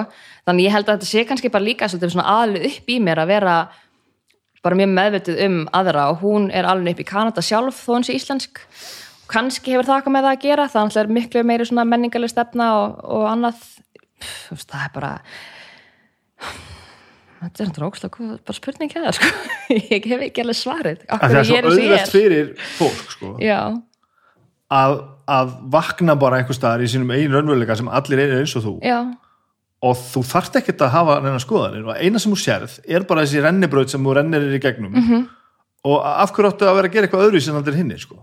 og það er ekkert sem kallar á það. Og ég þekki henni fólk og ég ætla ekki að ljúga ég alveg ég á alveg svona erfitt með að verða náinn þannig fólki. Af því að þú veist, mér finnst bara eins og ég sagði áðan, mér finnst að mín skoðan er svo að fólk sem er að berast fyrir einhverju er að veist, allavega gera sitt besta að einhver leiti og ef þú ert ekki að berast fyrir neinu og ef þið finnst bara í lægi heimur neinu sem er og ég ætti að segja heimur sé hræðilegur en þú veist, ef þið finnst í lægi einhvern veginn bara svona heimur er bara svona meðalmennska þess að hann gæti bara verið aðeins betri. Já.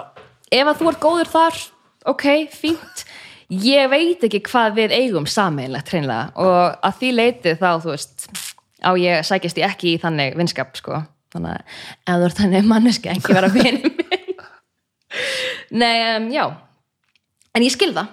Af því að þú veist ég heyri, ég heyri alveg þegar einhver segir bara ég vil ekki missa mín forréttindi. Um, þetta er yfirleitt ekki spurning um það fólk er bara hrætt við það og ég skilði okkur fólk er hrætt við það ég vil ekki heldur þurfa ekki kera á bíl það er ákveðum forréttindi skýru en, og þetta var ekki eitthvað skot þetta er bara svona, þú veist er náttúrulega, ég gæti ekki gett betur að vera bara hjóli í mínus tíu stigum, skýru, og bara vera með nagla og eitthvað, um, ég gera það ekki. Þannig ég skil alveg að það, ef það hlutinni virka fyrir þig að þú vilt ekki gera, veist, breyta þeim. En ég veit ekki alveg okkur sem er hafa meiri samkend og meðengu en aðrir ok. Eldsprengisvæði, mér líður eins og þessi oft kallmenn oftar sem að hafa, sem eru í þessari stöðu sem þú ert að lýsa. Um, Hefur það ekki eitthvað með að gera við erum í enn meiri forréttindastöðu heldur en konuna, þú veist? Ó, takk fyrir að þú segir það. Alltaf þegar konur byrja, kallmenn er í forndastöðu þá bara lokar helmingurinn af Íslandi eirunum kallmenn Er það svo? Það hefur verið þannig. Auðvitað kannski, nú, það er alltaf minna núna en það er samt þannig að ég spyr mjög marga karlmenn hérna til dæmis, fylgir þú karlmennskan á Instagram? Nei, ok, akkur ekki. Auðvitað er þetta ekki bara eitthvað svona bara svona hvað? Hvenna væl? Eða skilur, kalla væla fyrir konur. Þannig að þó svo að mjög margir menn segja bara nei, ég er að hlusta, þú veist ok, ertu að hlusta, ertu bara að sitja þögull? Þetta er nú, þannig að þú komur samt á svolítið þunna línu, sko. Já, Æ, svo, ég, fylg ekki kallmennskonu á Instagram. Nei, akkur ekki. Ég er, er ekki droslega duglegur á Instagram Nei, ok. reyndar, en hérna það er eitthvað sem triggar mig samt, sko ég veit það, það þú og mjög marga aðra uh, ég er ekkert alltaf alveg sammála aðferðafræðin ég er sammála því sem fram kemur sko. Mhm. en það er þóstir komin í viðtaldum það var frábært sko. já, ég hitt henni gæri fyrsta sinn og það var bara að, ótrúlegu maður með ótrúlega skoðanir að gera ótrúlega hlut og ég er sammála öllu sem hann er að gera Mhm. -hmm. en ég þarf ekki alltaf að vera sammála sko, aðferðafræðinni sko. en ég var ekki að spyrja, ertu sammála karlmennskunni? Nei, nei, nei. Frábær punktur. Ég, ok, ég fylgi hérna, heldandi JF Kennedy eða eitthvað á Instagram, hann er antivaxer ég er ekki sammála hans, hans hugmyndafræði og veitum ekki að fara til það en mér finnst bara mjög gott að fylgja fólki sem að ég er ekki endilega sammála. Já, það er svona. Djöfullin, ok. Mjög gott en ég meina, þú veist, ég er þetta að segja allir þurfa að fylgja karlmennskuna þar að leiðandi ertu bara eitthvað svona búin að checka eitthvað box. En þú alveg, þú skilir hvað ég meina. Algjörlega. Mhm. það er margt sem að kemur þú veist, bara fram á alls konar samfélagsmiðlum sem er kannski stuðandi og maður þarf ekki að vera sammála í öllu. En allavega, ef þú ert ekki sammála þú getur alltaf spurt þig, af hverju er ég ekki sammála þessu? Er það því ég bara svona raunverulega er með heimildir fyrir því að skoður mín er rétt? Eða er það því að þetta er eitthvað sem ég er búin að segja við mig? Eða er þetta eitthvað sem ég er hrættur við að líta á eða skoða eða pæli lang ofta stað að þetta er eitthvað óþægilegt sko. og þannig erum við aftur með þetta við bara forðumst og það er náttúrulega frá bara, veist, frá því að við erum steinaldafólk tilfinningin óþægindi er að segja okkur hlaupiburtu en við erum ekki lengur að búa á hættusvæði þar sem að eitthvað er óþægilegt og það getur bjarga lífin að hlaupa. Við erum ekki lengur þar, veist, við erum heilin okkar bara hefur ekki uppfærst til þess að funksjona í samfélaginu sem við funksjonum í. Og þess vegna þurfum við þess vegna, ég held að svona næsta uppfærslan er rauninni að maðurinn wow, ok, sorry ég er komin í þetta algjört rauklitna en ég held smá að næsta uppfærsla mannkinsinn sé að við náum að líta alltaf á tilfinningur okkar. Og ég er ekki að segja að veist, við bregðumst aldrei við þeim, regjum á þeim. En við náum alltaf að fara í sjálfskoðun einhvern veginn. Og bara, ég held að grínlaust, það verða alveg svona smá 2.0 uppfærsla, sko Þú ert að segja sama sko, um, um hérna, tilfinningar versus samfélagslega hefðun og, og sálfræðingurum minn segir um sko, tilfinningarnar og hvernig ég reaktar á hlutina Hæ? Já, þegar ég nota alltaf, þú veist, bara, þú veist ég er að læra að skilja það að að að ég þurfi ekki að hlaupa alltaf burtur frá ljónunum sko. það er ekki træðilegt að fara að gera, slakaði bara á. Mhm. Já. það er bara eitthvað að koma í viðtal sko. Já, ég er alveg eins. Ég er alveg eins. Og það Ég er bara svo gamla að tilfinninga sem bara, ok, ef ég rættist ekki þá deyja börni mín, sko, bara, nei, nei. Nei, nei, nei, nei, nei, nei, það er ekkert slemt að fara að gera, sko, tilfinninga bara Hvað ef ég sitna, við höfum ekkert að tala um og ég verð bara ógeðslega, einhvern veginn get ekki muna hvað ég á að segja og síðan fer ég út og allir heimur nefnir þessi kona, hún er ömuleg og það er enginn frá það mér vinnu aftur ég enda því að deyja bara einhvers út á götu. Ég skil þig, sko og ég, ég, sko, það er líka vandinn maður kemur með einhver svona svaka statements og fólk hugsa, já ok, þannig að hún gerir þetta. Það er ekkert satt. Ég bara, ég er ekkert sérstaklega góð í þessu. Ég er líka með sálfræðing sem er bara eitthvað svona og hvað er að versta sem gæti gerst? Og maður er bara í haminu alveg hérna út í eitt sko. En, en, en það, burt sér frá því þá samt sem að hef, hefur maður sérstaklega eins og núna bara í algjöru öryggi og gengur vel og allt það þá getur maður að leift sér að sjá hlutin í starra samingi en síðan um leið og maður fer í óttan þá kemur tönnulvísinni bara og maður er bara ein manneskja og þú veist, maður er bara alltaf í barslu með sjálfan sig. Þetta er mjög merkilegt, sko. Já, þetta, og og auðvitað er þetta líka það fallega, þetta sem gerir lífið skemmtilegt af því að öðruvísi væri við auðvitað bara tölfur, skiljuru, ef við værum alltaf bara að hugsa, ok, af hverju er ég að reikna út hvað er líklega sem getur gerst og síðan bara kem ég með einhvað svar. Auðvitað er lífið líka spennandi af því að maður veit ekki hvernig fólk bregst við og hvað verður og smá kvíði og smá stress og fyrild í magunum og það er sem gerir lífið gaman, sko. En það getur líka farið með okkur út í gönur Já. já, sem það gerir náttúrulega bara daglega algjörlega, en er, það er úrslega gaman þegar maður næra að stíga eitt skeið í burtu og bara, hva- hvað er ég að hugsa? Grínlaust. Af hverju er, hvernig er ég að hugsa þetta og þegar maður líka, og það er svo gefandi og verðlunandi þegar maður fattar að maður náði einhvern veginn að þú veist að tala sjálfan sér niður eða einhvern veginn maður náði að hafa stjórn á eigin hugsunætti það er ógeðsla, það er svona stíð frelsandi tilfinning þegar það gerist og það gerist finnst mér mjög sjaldan. En þess að kemur alveg fyrir að maður er komin í eitthvað svona kvíðakast eða eitthvað, maður vill bara, maður er bara á fullri ferð að fara í öryggi og fara í einhver svona öryggishægðun sem er ekkert kannski frábær en virkar úksla vel, þú veist, í fimm mínútur. Og maður nær að komast út úr þessu maður er bara svona, fokk, ég er hann sterkari mannska já, það er geggjað. Ég held að sko mjög góð leið til þess að byrja á þessu er mitt að þú veist, bara lestur og að fræða sig veist, og ástæðan fyrir að ég er að tala svona er til þess að því ég er búin að lesa bækur sem þetta Sapiens eftir hann hérna Yuval Harari heitir hann. Sapiens, Homo Deus og 21 Lessons of the 21st Century. Þetta er svona bækur sem er svona breytið hvernig ég sé og skil og skinja hlutina. Ég held að þú veist, ef fleiri, fleiri myndi gera það þá myndi fólk vera bara einhvern veginn að njóta lífsins aðeins betur sko þetta var eins og ég ætla, þetta, þetta hljóma eins og ég það var að fara að plugga þessum bókum, þetta var eitthvað svo mikið from the left field. En ég fór alltaf, ég fór að hugsa svona hvaðan, ég fór bara að hugsa, af hverju er ég með þessa skoðun? Og þá kom þetta upp. Ég tristi bara sérfræðingunum sko. ég bara að fara með frábæra sálfræðing og tala við og hann sagði bara, nei, sjáðu til. Og ég bara, já. Ah, já, þetta er ekkert mjög flókið sko. en kostnum sem þú sparaðir og þú getur farið annan hvert sálfræðtíma og henni myndir þú taka á sjálfan þig ha, segðu þetta aftur. Ef þú myndir geta farið í bara einn, eh, sko, annan hvert sálfræðtíma ekki vikulega mánaðilega hvað og þú væri með tækin og tólinn til að geta gert þetta sjálfur inn á milli, Já, það myndir spara mikið pening. Já, þetta snýst samt náttúrulega svolítið um það samt að, að, að vörka hlutur á milli sko. já, einmitt, að fá bara sér verkfæri. Mín, mín, mínir stóru sigrar er eru þegar að ég sko svolítið sem þú veist að segja, þú gengur inn í einhverja aðstæður það fyrir allt steik, þú ætlar að fara í eitthvað svona, svona safe zone þú nærast nú yfir að gera það ekki sko. já, stóri sigur hjá mér er alltaf þegar að ég gerir hluti svo afturum til að setna og þá er það ekkert mál sko. ja, veist, ekkert mál Já. þá, er það, sérst, þá finnur þetta að virka og það ná að kljúfa hérna hegðunina frá tilfinningunum sko. nákvæmlega og búa til nýtt, ég held að það heiti hvað heitir þetta, eitthvað svona tengslamunstur eða hérna allavega svona búa til nýja rás Já. taugarás eða eitthvað, ég man ekki hvað þetta heitir í heilunum þannig í staðin fyrir að fara alltaf í þetta þá ferði í hitt. þetta er mjög merkilegt sko. Þetta er það og vita að þú ert að stjórna einhvern veginn heilin virkar Mhm. Já, svo var mjög að mjög hérna þegar ég labbaði inn og byrjaði að segja hvernig mér leið, sko, hvernig ég hugsa og hvernig ég er, sko, ég held ég væri fullkomlega uník, sko. uh, einmitt, já. Ég held það kannski ekki alveg í alvörunni, en, en ég held ég hef samt hugsað hann, sko. Já, Ég bara, þú veist, sko, ég þarf að útskipta að geða vel fyrir þér af því það er örlega enginn eins og ég. einmitt, Svo bara eftir fjóra mínútu bara, sko, einmitt hlusta það nú það er ekkert sérstakt við þig. ég meina, ég fekk sko taugafall um daginn, uh, ég er hann þrítug og það var taugafall út af fyrir sjálfan sig. En síðan fekk ég annað taugafall um daginn og ég bara varpa þessu fram. Að því að ég meitt bara svona fattaði, ok um, ég er alltaf búin að vera að býða eftir því að eitthvað bilaðslega sérstætt komi fyrir að því ég er svo einstök og svo sérstök manneskja og í 30 ár hef ég beðið og verið svona ég hérna svona ég er svona, ég hlægjast núna, ég hló sko ekkert þá ég hló ekki mjög lengi eftir að ég fatta þetta.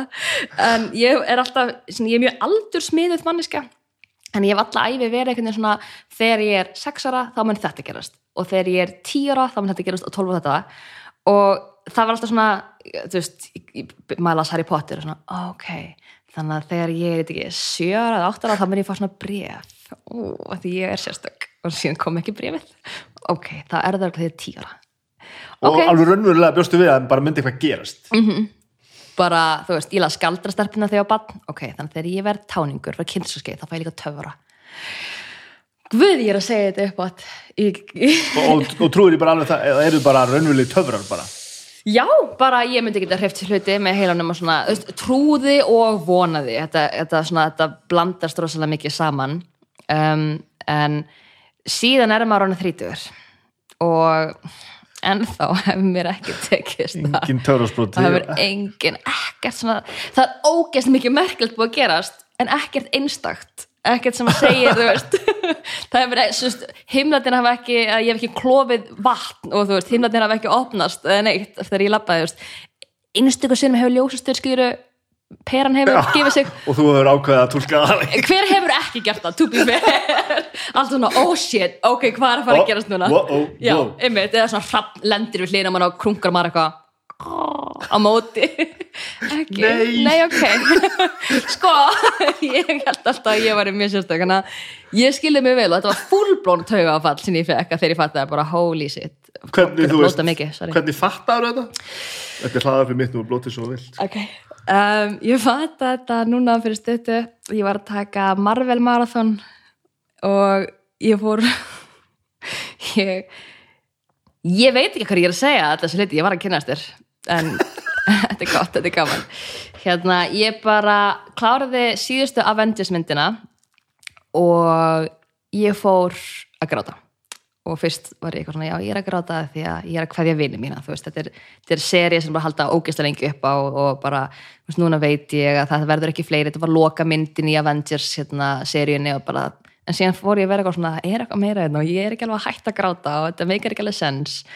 Og þá fattaði ég að, þú veist, ég var eitthvað svona ég er aldrei að fara að verða Avengers og, og þá meinti það svona svolítið út frá sko, þá, fyrst hugsaði ég bara sem leikari bara já, ok, þú veist, það er alltaf skrítið að vera leikari og maður horfir á okkar sem er algjörlega epíst en síðan fattar maður, ok, ég er aldrei að fara að gera þetta veist, þetta þetta celebrity dæmi sem er í gangi í heiminum, það er svona eins nálægt í að vera sérstakur og útvalinn í dag og hægt er, þú veist, náttúrulega kongafólki er staðið búið, þú veist, það er ekkert nýtt kongafólki einhvern veginn að fara verða til það er bara þessar ættir sem eru núna meira að byrja að segja sér frá hver annari og eitthvað. Þannig að þetta, þú veist, í rauninni er þetta celebrity dæmi, það er svona okkar kongafólk þú veist, og þegar ég fatt að ég er ekki Avengers drottning það var bara skellur. Og síðan fór, því, fór ég að skoða af hverju líð mér svona, af hverju hvað svakalega harmur er í því að Avengers séu búnir og að Marvel sé einhvern veginn, veist, þessi heimur sé núna lokaður mér? Og þá fór ég svona ekkert að kafa þetta og síðan átti ég salfræð tíma stöðu setna á mitt, við rættum þetta. En það var svona, já, fattaði held ég að ég bara er búin að búast við því í sé einstök. Og mér finnst eins og núna eftir að ég er svona búin að sagt með það að ég er bara ótrúlega meðalmannskja þá, að þá sé ég hlutan í aðeins öðruvísi ljósi og stundum verð ég ennþá mjög leið og ég var mjög lengi að jafna mig á þessu en núna hugsa ég líka svona bara hversu margir eins og ég hafa gengið á þessari jörð og váka það er styrla þannig að það, hef, það hefur orðið hugarfarsbreyting og ég, ég, svona, ég skil hvað það meinar. Þegar maður heldur að maður bara maður sé bara eina manneskjan með þessi vandamál og þannig hugsun átt og allir aðrir eru bara svona NPCs einhvern veginn í lífinu þú veist og, en, en, og, og, og við bara erum ekki sköpuð þannig að við getum held ég hugsað um að allur heimurinn 7,5 biljónir manns séu með sömu tilfinningadýft að þú veist, að kannski mismiklu rófi en séu, þú veist, hæfur um sömu tilfinningadýft og skoðunir og allt þetta eins og við. Við bara erum ekki búin til til þess að meika það, einhvern veginn að hugsa. Nei. ekkert frekar en við getum skilið að heimurinn er endalaus. Að ég fæ bara hausur því, hugsa því að sko. Þetta er bara þetta er svona samin en allavega þegar, fyrir svona, mér finnst þess að það var opna einhver svona, að opnaðist einhver svona gátt. Þannig að um veist, leið og þú fær taugafallið þig, tringdi mig. Að potið maður. Og, og ertu þú veist, ertu þá ertu hætt að hugsa þetta svona? Um, grínlaust s- já og nei. Þú veist, það kemur alveg stundum svona hugsunin, kannski meira en svona einhver draugur af hugsun svona, þú veist jú, ég er kannski eitthvað það er kannski eitthvað spes við mig. Um, en þá er það meira bara, þú veist það er kannski eitthvað spesið mig úr tíu manns eða veist, úr hundrað manna úrtaki eða eitthvað þannig, þú veist, en ég það er nú samt allt í lægi sko. það er alltaf læg og, og ég var nefnilega mjög hrættum að þetta myndi bara svona eiðilegast, ég var alveg mjög hrættum að þetta myndi bara enda fyrir mig lífið, bara hvernig á ég það var alveg svona hvernig á ég að halda áfram að lifa vitindi að það er ekkert að fara að gerast að þetta, að þessi 30 ár eru eiginlega það sem er að fara að gerast aftur og aftur og aftur og aftur, aftur. það er mjög, mér finnst það ógeðslega erfið hugsun. Þetta gerist tvisvar viðbútt eða heppin og þá er þetta búið. Já, nákvæmlega, grínhaust veist, og, og jafnvel sko með framtíðinu þá mun þetta haldur um að gerast miklu lengur þú veist að því síðan maður bara fyrir maður að skipta út varalhutum í sjálfum sér sko. En þetta var eitthvað það var eitthvað svona mómenti sem hugsaði svona fuck, er ég samt að fara að raða í uppþættuvel og taka úr uppþættuvel alla mína æði Já. það meikar ekki sens og ég get það ekki. Um, en núna einhvern veginn eftir þetta taugafall, þá bara byrja maður að just, er ekki taugafall basically bara það að þú veist kerfið hrinur og það fara að myndast nýja rásir ef þú heldur áfram með lífi þú, veist, bara, þú byrjar að byggja það upp á ný. Ég tristi mikið til þess að, þess skilgjana tögafall, ég held Nei. að komin út fyrir sérsvið Nei, nákvæmlega, ég er langt út fyrir. Nú ætlum ég bara að tala út frá sjálfur mér allavega, að veist, ég held að það sé núna bara myndast nýja rásir hjá mér, þannig ég er ekki lengur að hugsa svona.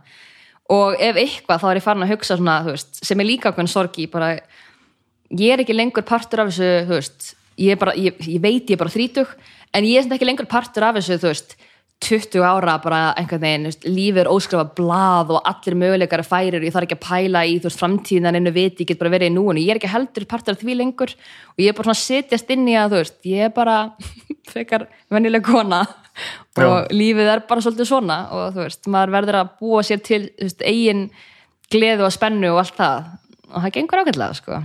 Hvort ætlaðir að vera Avenger eða kona sem leikur Avenger, ég náðu þess ekki alveg. Nei, einmitt, eða sko. ætlaðir, skilur við Já, málið er, ég var náttúrulega búin að fatta að ég yrði líkast aldrei Avenger í alvörunni.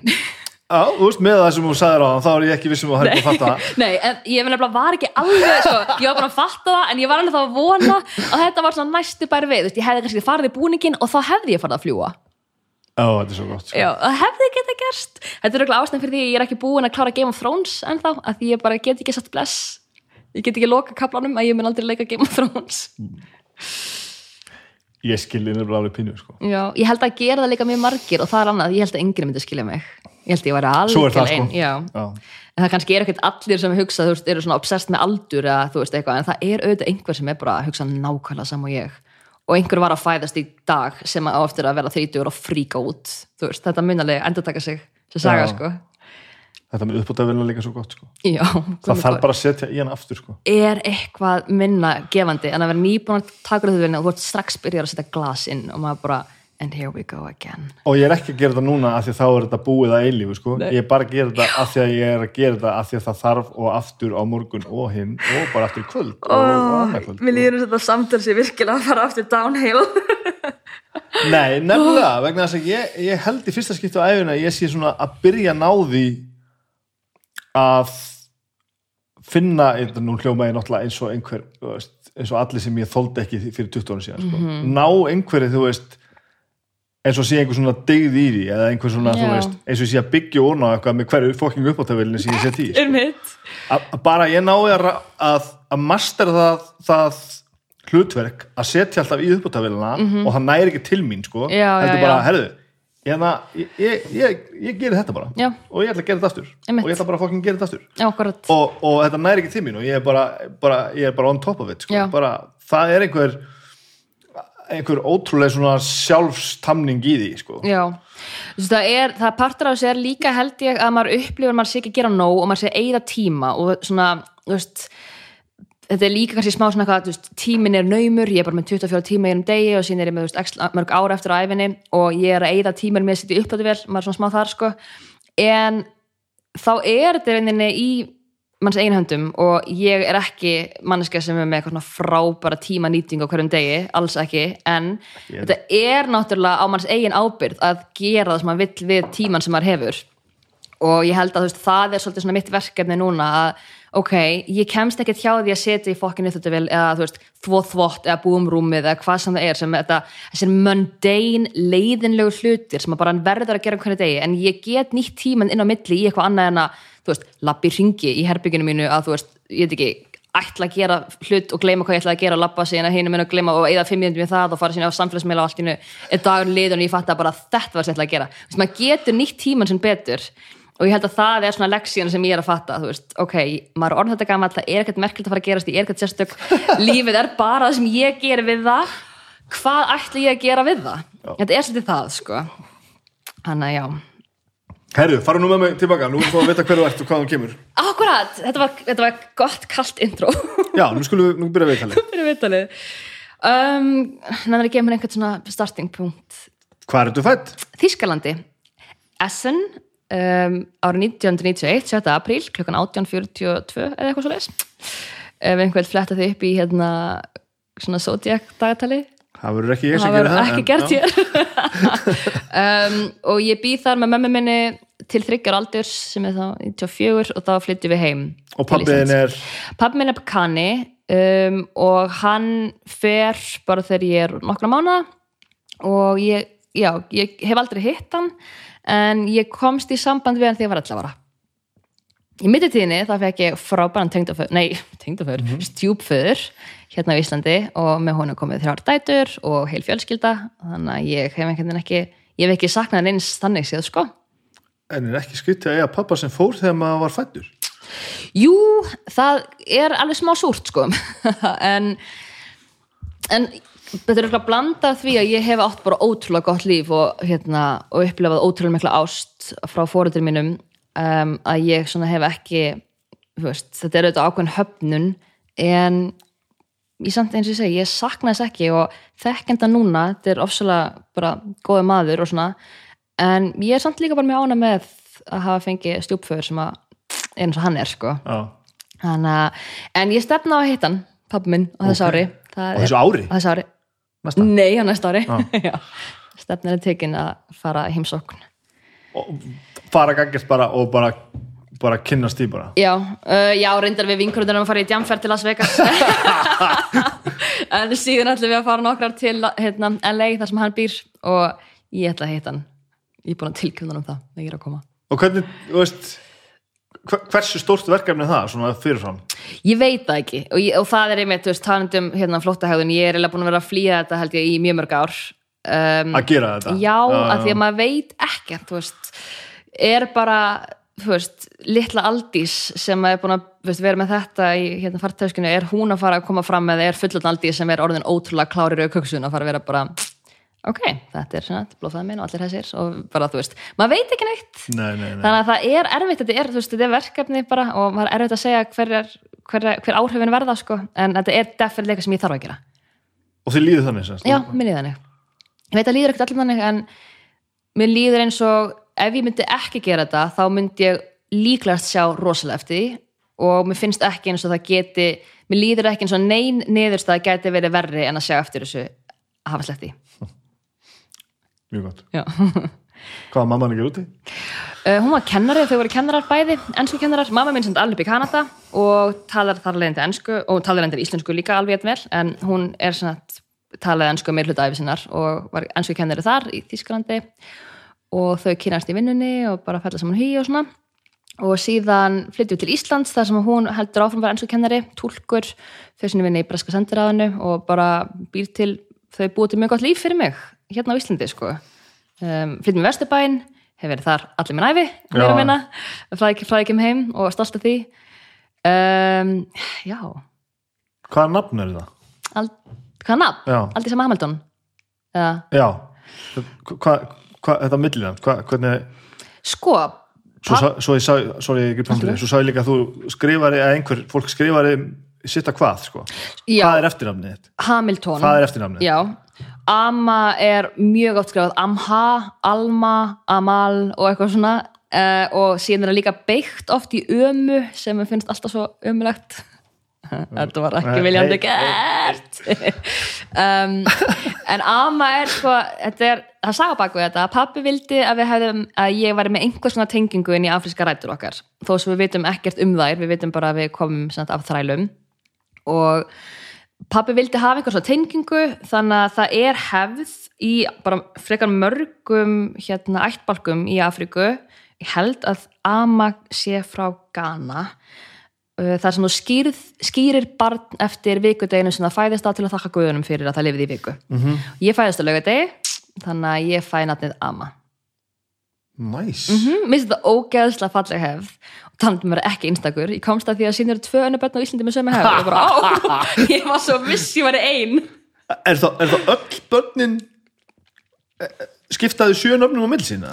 nei, nei, sem þetta sko barn fæðist á Já. og ef það hefur vikuna af Aha. þá fær það nafn dagsins þannig að þú veist, fimm sískinni sem fæðist öllu laugardegi heita þá öll að sama Já, ég er að meina það, þannig, að- að allir í Ghana heit, heita sjö nöfnum sko, þetta er ættbálkur Já, já, veist, já, og ok, ég, ég, verða veikina ég náttúrulega veit rosalega lítið. Bara það er einhvern veginn tilhjóksnir um það eins og sé við vitum ekkert við vitum í rauninni ekkert beint hvaðan við komum bara þöggs ég einmitt þrælahaldi og öðru það var ekkert haldið eitthvað sérstaklega við utan það.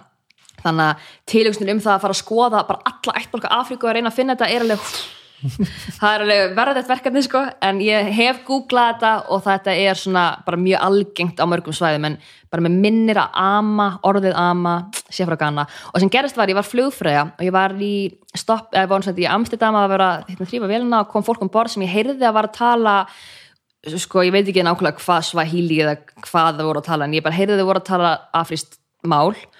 Og ég spyrði hérna hafið bara svona að forvitni veist, hafið þið heyrt já, og ég spyrði hvaðan eru þið, við erum frá Ghana. Ok, hafið þið heyrt um nafni Ama? Ama, já, byrja hans, Ama! Það var eina þinni sem var fætt að lauga þig Í alveg? í alvörunni, Wow. Mhm, það var mjög gaman það var mjög fætt Hét, hétum þá eitthvað ama? Já, það er bara allir gangur á því. Amma getur verið fyrsta nafn en það getur líka verið veist, hérna, fórsetir á þeirra fyrir, eða fórseti af einhvers lands í Afríku, ég ekki hvað, Kofu annan, heit hann ekki? Jú, Já, annan, e, kofi kofi eða annan er miðvikudagur, mann ég. Þannig að þú veist, þetta er alveg mjög algengt. Og mér finnst þetta mjög fallegt, ég er mér hrifin að þessu. Þetta er snildalegt Já, Djúvillig kalt hérna. Það er óslega kallt, en það er líka allt í bara þegar að byrja að kólna þá komist að ég opnaði virka ekki það þannig að píparinn er að koma morgun. Geðvegt. þannig að opnaðir eru bara allir alveg svellkaldir. Já, nei, þetta er allt í góðu. það er Já, ég er góð, ég ætla bara að fá, hérna, fá nýtt kaffi. er það, þetta er Já, ég ætla að fá að hella svona gamla kaffið. já, ég skal bara gera Ö, Þakka þér fyrir.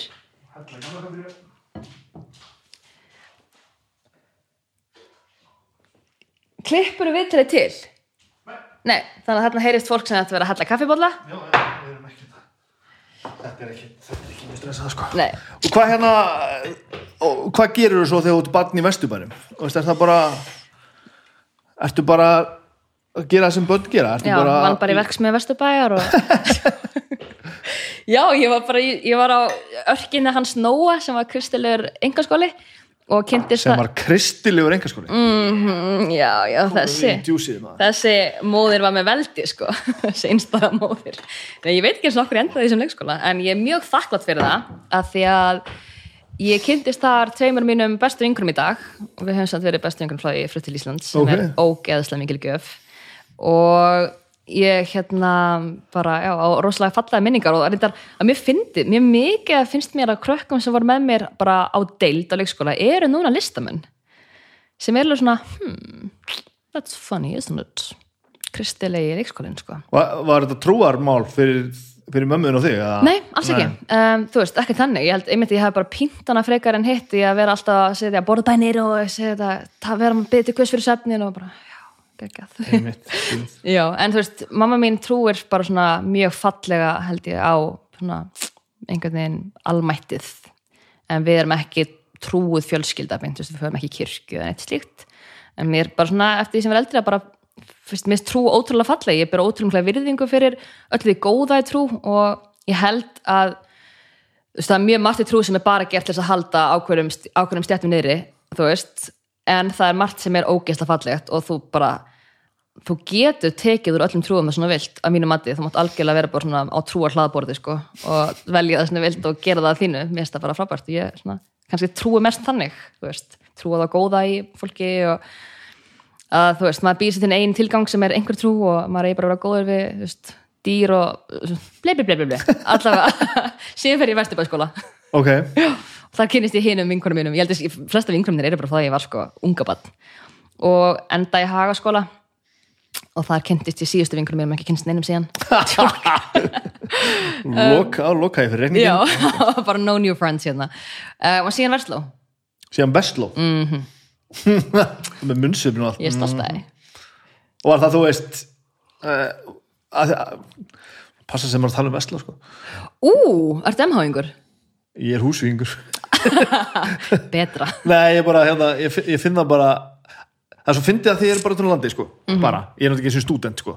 þannig ég bara, Mhm. Ok. hérna ég fór bara eina önnu eitthvað, tvær framskonu húsæk, fór svo bara og skrúpaði út í MA á Akkurri og, og síðan ekki söguna með sko. Nei. en maður þekkir ekki þessa þessa hérna mentaskóla pólitík sko. nei, og ég bara eiginlega eftir ég byrja að taka þessi viðtöl af því að það, hafa, það fóru allir í einhvern mentaskóla Já. og fyrst þegar ég var að byrja að ta- ta- ta- taka þessi viðtöl þá fannst mér það ekkert issue sko.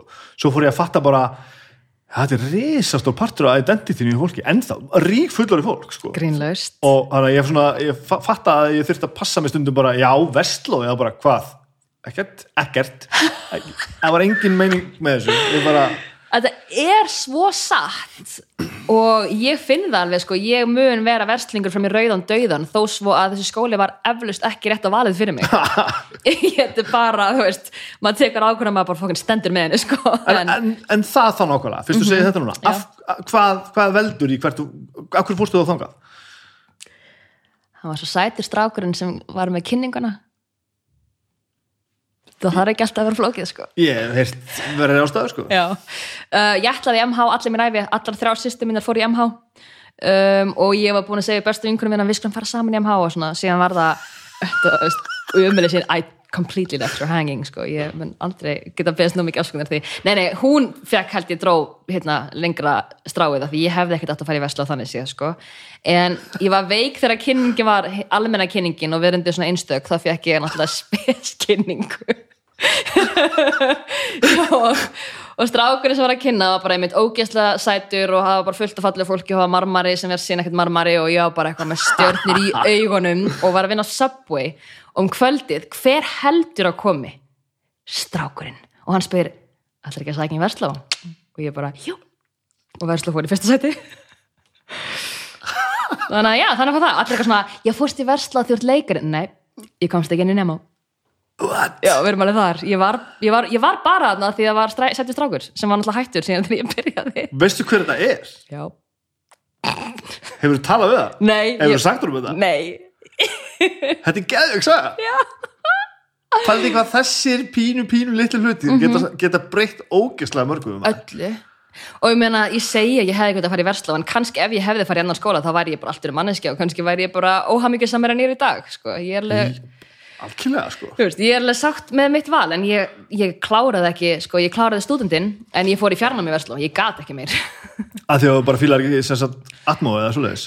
Já, ég var bara komin með algjörlega nóga við að sitja í kennstustund þú veist, með fólki sem var bara á mismundi stöðum í námsefni og þetta er ekki neitt svona throwing shade, bara ég upplifði það að það hentaði mér bara mjög vel að læra efnið sjálf og í mínum tíma og þú veist, ég, veist, bara, veist, ég skil ekki þetta að vera veist, hérna hvað segir maður, þvinga úlinga með sína, þú veist, fucked up circadian rhythm klukku sem er bara einhvern veginn ekki á sama stað og unga börn og fullur fólk til þess að mæti í skóla átta í prófórna, þetta er bara þú veist, allavega nýjust rannsóknir sína þetta er, þetta meikar engan sens og þau eru ekki að ná bestu bara svona heilalegri starfsemi svona snemma og ég, þetta bara gekk ekki upp fyrir mig, veist, ég bara gat ekki verið að mæta átta í skólan, ég hafði ekkert, ég svaf bara til hátis eða skrópaði. Og þú veist, ég var bara einhver hérna, mætingar, einhverjum mín var alltaf einhvern veginn í svaðinu. Þetta bara meikaði engan sens. Og ég vildi vinna, ég var mikill vinnu ég var að vinna frá ég var bara 13 ára. Þannig ég vildi bara vera að vinna áfram og var að vinna mikið á djamminu og svona, þannig að maður var bara þreyttur og já, það var ekkert að ganga. Og ég held ég hafi fengið besta einhverjum mínar í fjarnámi sko.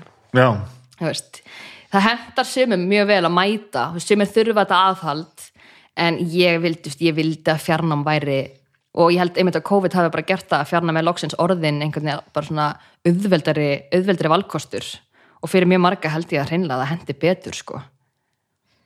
ég er vonlust kei sko þú, þú þarft að mæta, þú þarft strúkturinn Já, en ég get sem ekki mætt, sko, ég er alveg svo þú, ég þarf alltaf að sofa fyrir með hátegi. Já. Ja, það, var það þannig, en Já. þú veist, svo allt í nú bara fyrir, já, cirka, já, akkurat nýjáru síðan byrjaði allt í nú vinnu sem að mér fannst, sko, frábær. já, Og þá er þetta miklu minna mál, sko. einmitt En bara ég skildi þetta ekkert maður. Nei, og eins og ég segi þú veist, samkvæmt nýjastu rannsóknum um svefn og annað, að þá eru úlingar bara þessi tími, hormonastar sem er í hakki líka hann er ekki að funksjona eins og hann mun funksjona þegar hann fullarinn og ert bara svona fyrst frekar mikið. Ég held að þetta séu bara við B-fólki sem að erum að halda þessa ræðu, sko. Nei, ég er ekki að djóka. Það, það eru svefnarannsakandur og er þetta ekki bara að heyra um Why We Sleep og allt það, Matthew Walker? Nei. Nei, ok. Já, það allavega Þú er eru miklu upplýstar en ég, þú, þú veist, þú, þú, þú grunlega kynnir þér einhver hluti, hluti, sko. ég er ekki annað en að hlusta á svona sko. En það, það eru hljóðbækur, þegar þær komu Já, til já. leiks, þá breytist allt. Ég á hund, mikið að labba, gott að hafa eitthvað í eironum sko, það breytir öllu. Ég þarf að fara að vindu ofan að þessu hjá mér, sko. Ég, allt sem að getur, sko, talist hálft prósent sjálfsjálpar eitthvað, Já, þá er ég bara, nei, ekki já, Ég bara er ekki til að einhver sé að segja mér eitthvað svona. nei, ég er alveg sammálaðir Og ég er vandamálið þar auglóstlega, sko. Nei, ég er alveg, ég alveg samlega sko. ég er líka með orðan fyrir sjálfsjálpar og þetta er bara fordumar sko. en, en sko munin er til þess að þetta þetta er bara svona fræðsluefni þetta er ekki sjálfsjálpar neitt, það er bara Nei. verið að segja þú veist, rannsóknir sína á mjög skemmtilegan máta að þú veist, fólk á að sofa meira og ég er bara svona, já, veistu, Svo já, Já, já, og ég, mér langar ekkert að berjast á móti ég bara Nei. svona, já, ég get meira að nota þetta sem rök fyrir að gera ekki hluti, bara því meður Mamma sagði samt bara að ég ætti að fara fyrir að sofa. What? Ætti nú, ég á líka ekki að hangi símanum upp í rúmi en ok, við skulum alveg draga, veist, einhverstað verður maður að draga línuna í Ég er sandin, nú ekki búin að hlusta þá hljóðbók, ég er nú ekki að fara að gera það. Nei, þá fyrst segi ég glimti þessi gamli Varstu, uh, stendur eitthvað? Þú veist, þú kom, komin í, í mentaskóla á þann aldur og svoleiðis, þú Ætlaðar að verða eitthvað? Var þetta, þetta leikstús uh, ég, komið í þá? eða? Nei, það var það ekki Ég meira að segja eins og segi Ég sko reyndi tvisar við Nemo og einu sinni reyndar beilaði á báðum pröfunum þannig að skrítið ég komst ekki inn en í síðan prófaði ég, þú veist, svona frekar heilsugar aftur og komst ekki um, ég ætlaði ég hef alltaf verið mjög mikið svona, maður sagði ekki blæti en ég hef alltaf haft ótrúlega mikið áhuga á, hérna austur-asískuri menningu sem er ekki Kína, Söðkóra, Japan, þar það er ekki austur-asía.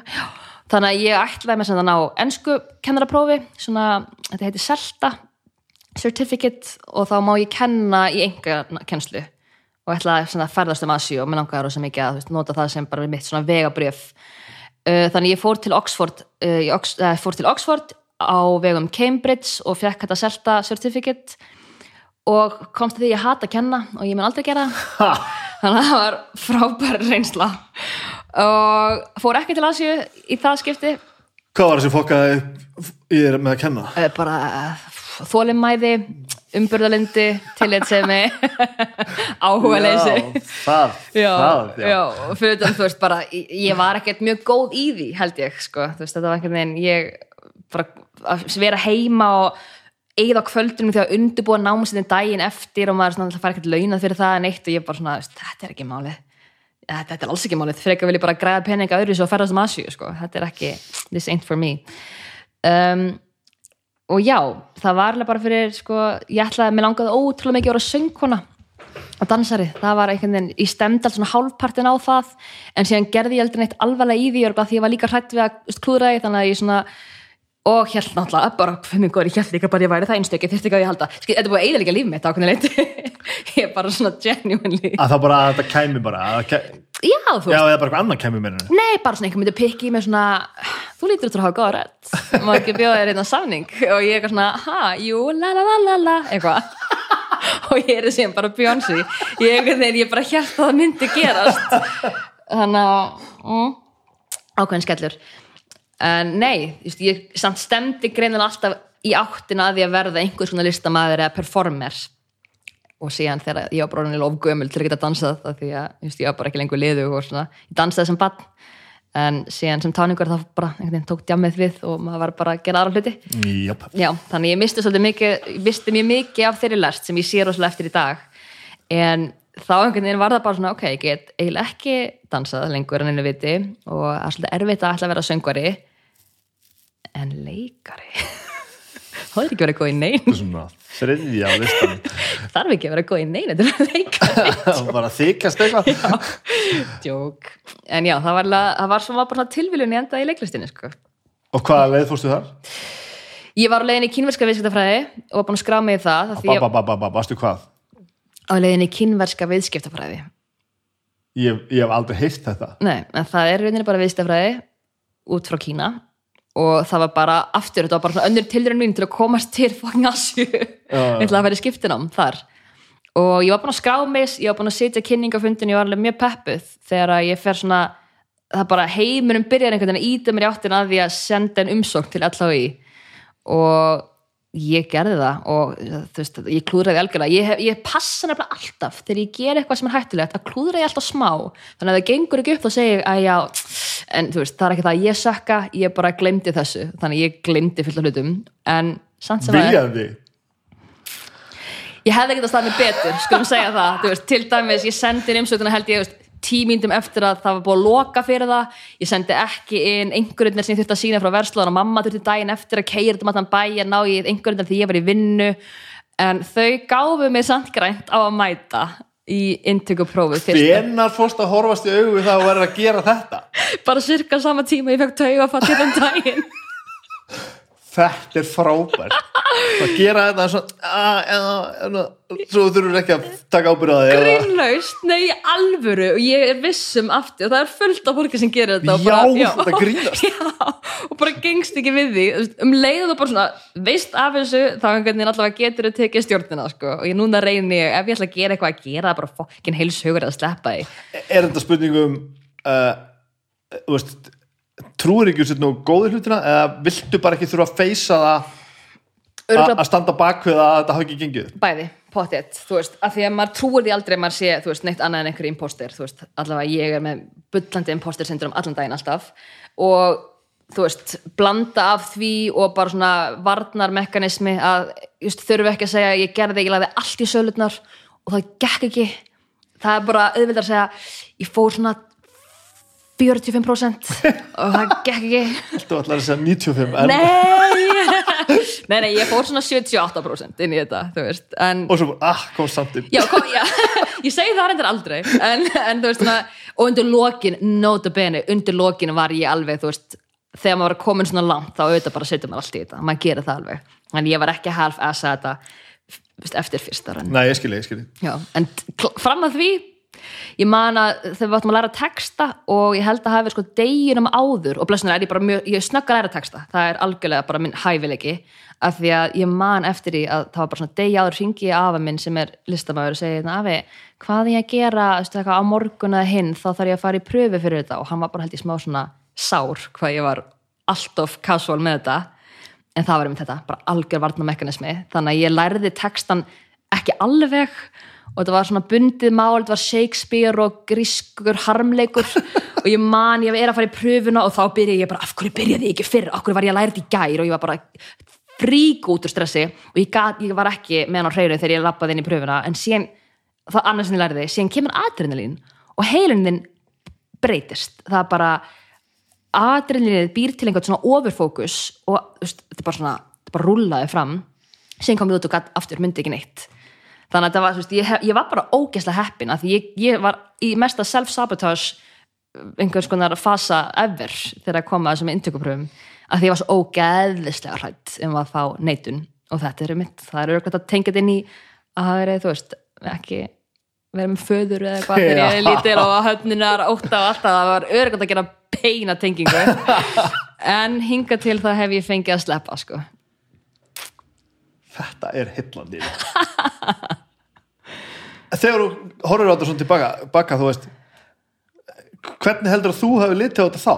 Af hverju, hvað heldur að þú hafi sagt sjálfur þér hérna þegar þú varst ekki að gera sem þú þurftir að gera? hvernig það, mennir Þú hverju skilaður ekki bara því sem áttur að skila? bara að því ég var hrætt Já, og ég veit, veit, veit þú veist á núna Já. en þú veist, hver- hver- hverju náður að ljúga þér þá? Bara Já. Þetta, að þetta væri svo, já já, æ, mér langar ekki eitthvað það mikið í þetta. Og, og veist og, og líka bara svona, veist, æ, ég, ég náttúrulega er ekkert frábær veist, ég er ekkert, ekkert með leikara bakgrunn það er fullt af fólki, hérna, þú veist, 200 manns því ég er þetta miklu meira skilið. Og síðan virkar alltaf þannig að maður kemst inn og þá hugsa maður, ég hef ekki verið hérna, ég laði ekki allt í þetta ég er algjörlega hérna, á fölskum forsendum. Og ég fór að gráta þegar ég komst inn af því ég var bara, ég á ekki að vera hérna. Það er fólk sem veist, reyndi miklu meira og þetta hljómar kannski hrókafullt en maður er bara alltaf einhvern veginn að gera sér minni. Mm. og núna er maður miklu meðvitað náttúrulega, þú veist, orðin eldri og svona en á þessum tíma þá var ég bara, þú veist, ekkert ég var aldrei ánum með neitt, ég, einhvern veginn þú veist, ég var aldrei bara, hei, ok, næs, vel gert. Þú veist, það var bara, þú áttu ekki vera hérna.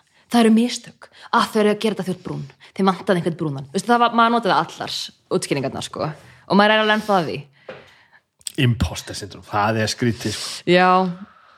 og er minnst gaglegasta tilfinning sem til er En það er ótrúlega að heyra sko, ótrúlegasta fólk tala um þetta það er svo Já. margir sem er svo nagaðir af þessu Já. sem eru sko í einhverjum rísastórum stöðum og þú veist og taka alla ábyrða öllu sem er gert og allt svoleiðis Mhm. og bara, bara að því endur þetta degi þá eru þau bara ég ætti ekki að vera að gera þetta. Það ætti einhver annar, bara, þú ætti að bjarga heiminum sko, Sko. já, ég, það geti einhver annar gert það bara. Það er svona yfirgræmdi líkur að þú veist allt fólk á alþingi sem er imposter já, syndrom já Já. bara, þetta er bara príma staður til þess að vera með svoleiðis sko. það eru bara tvær tegundir fólki þar ég. Þeir og, brjálæðingarnir. Já, ég veit ekki að segja en Já. þú veist, greinlust að ég held að sé, held að línan á milli sé mjög þunn. Já, af því að þú þarf líka að vera smá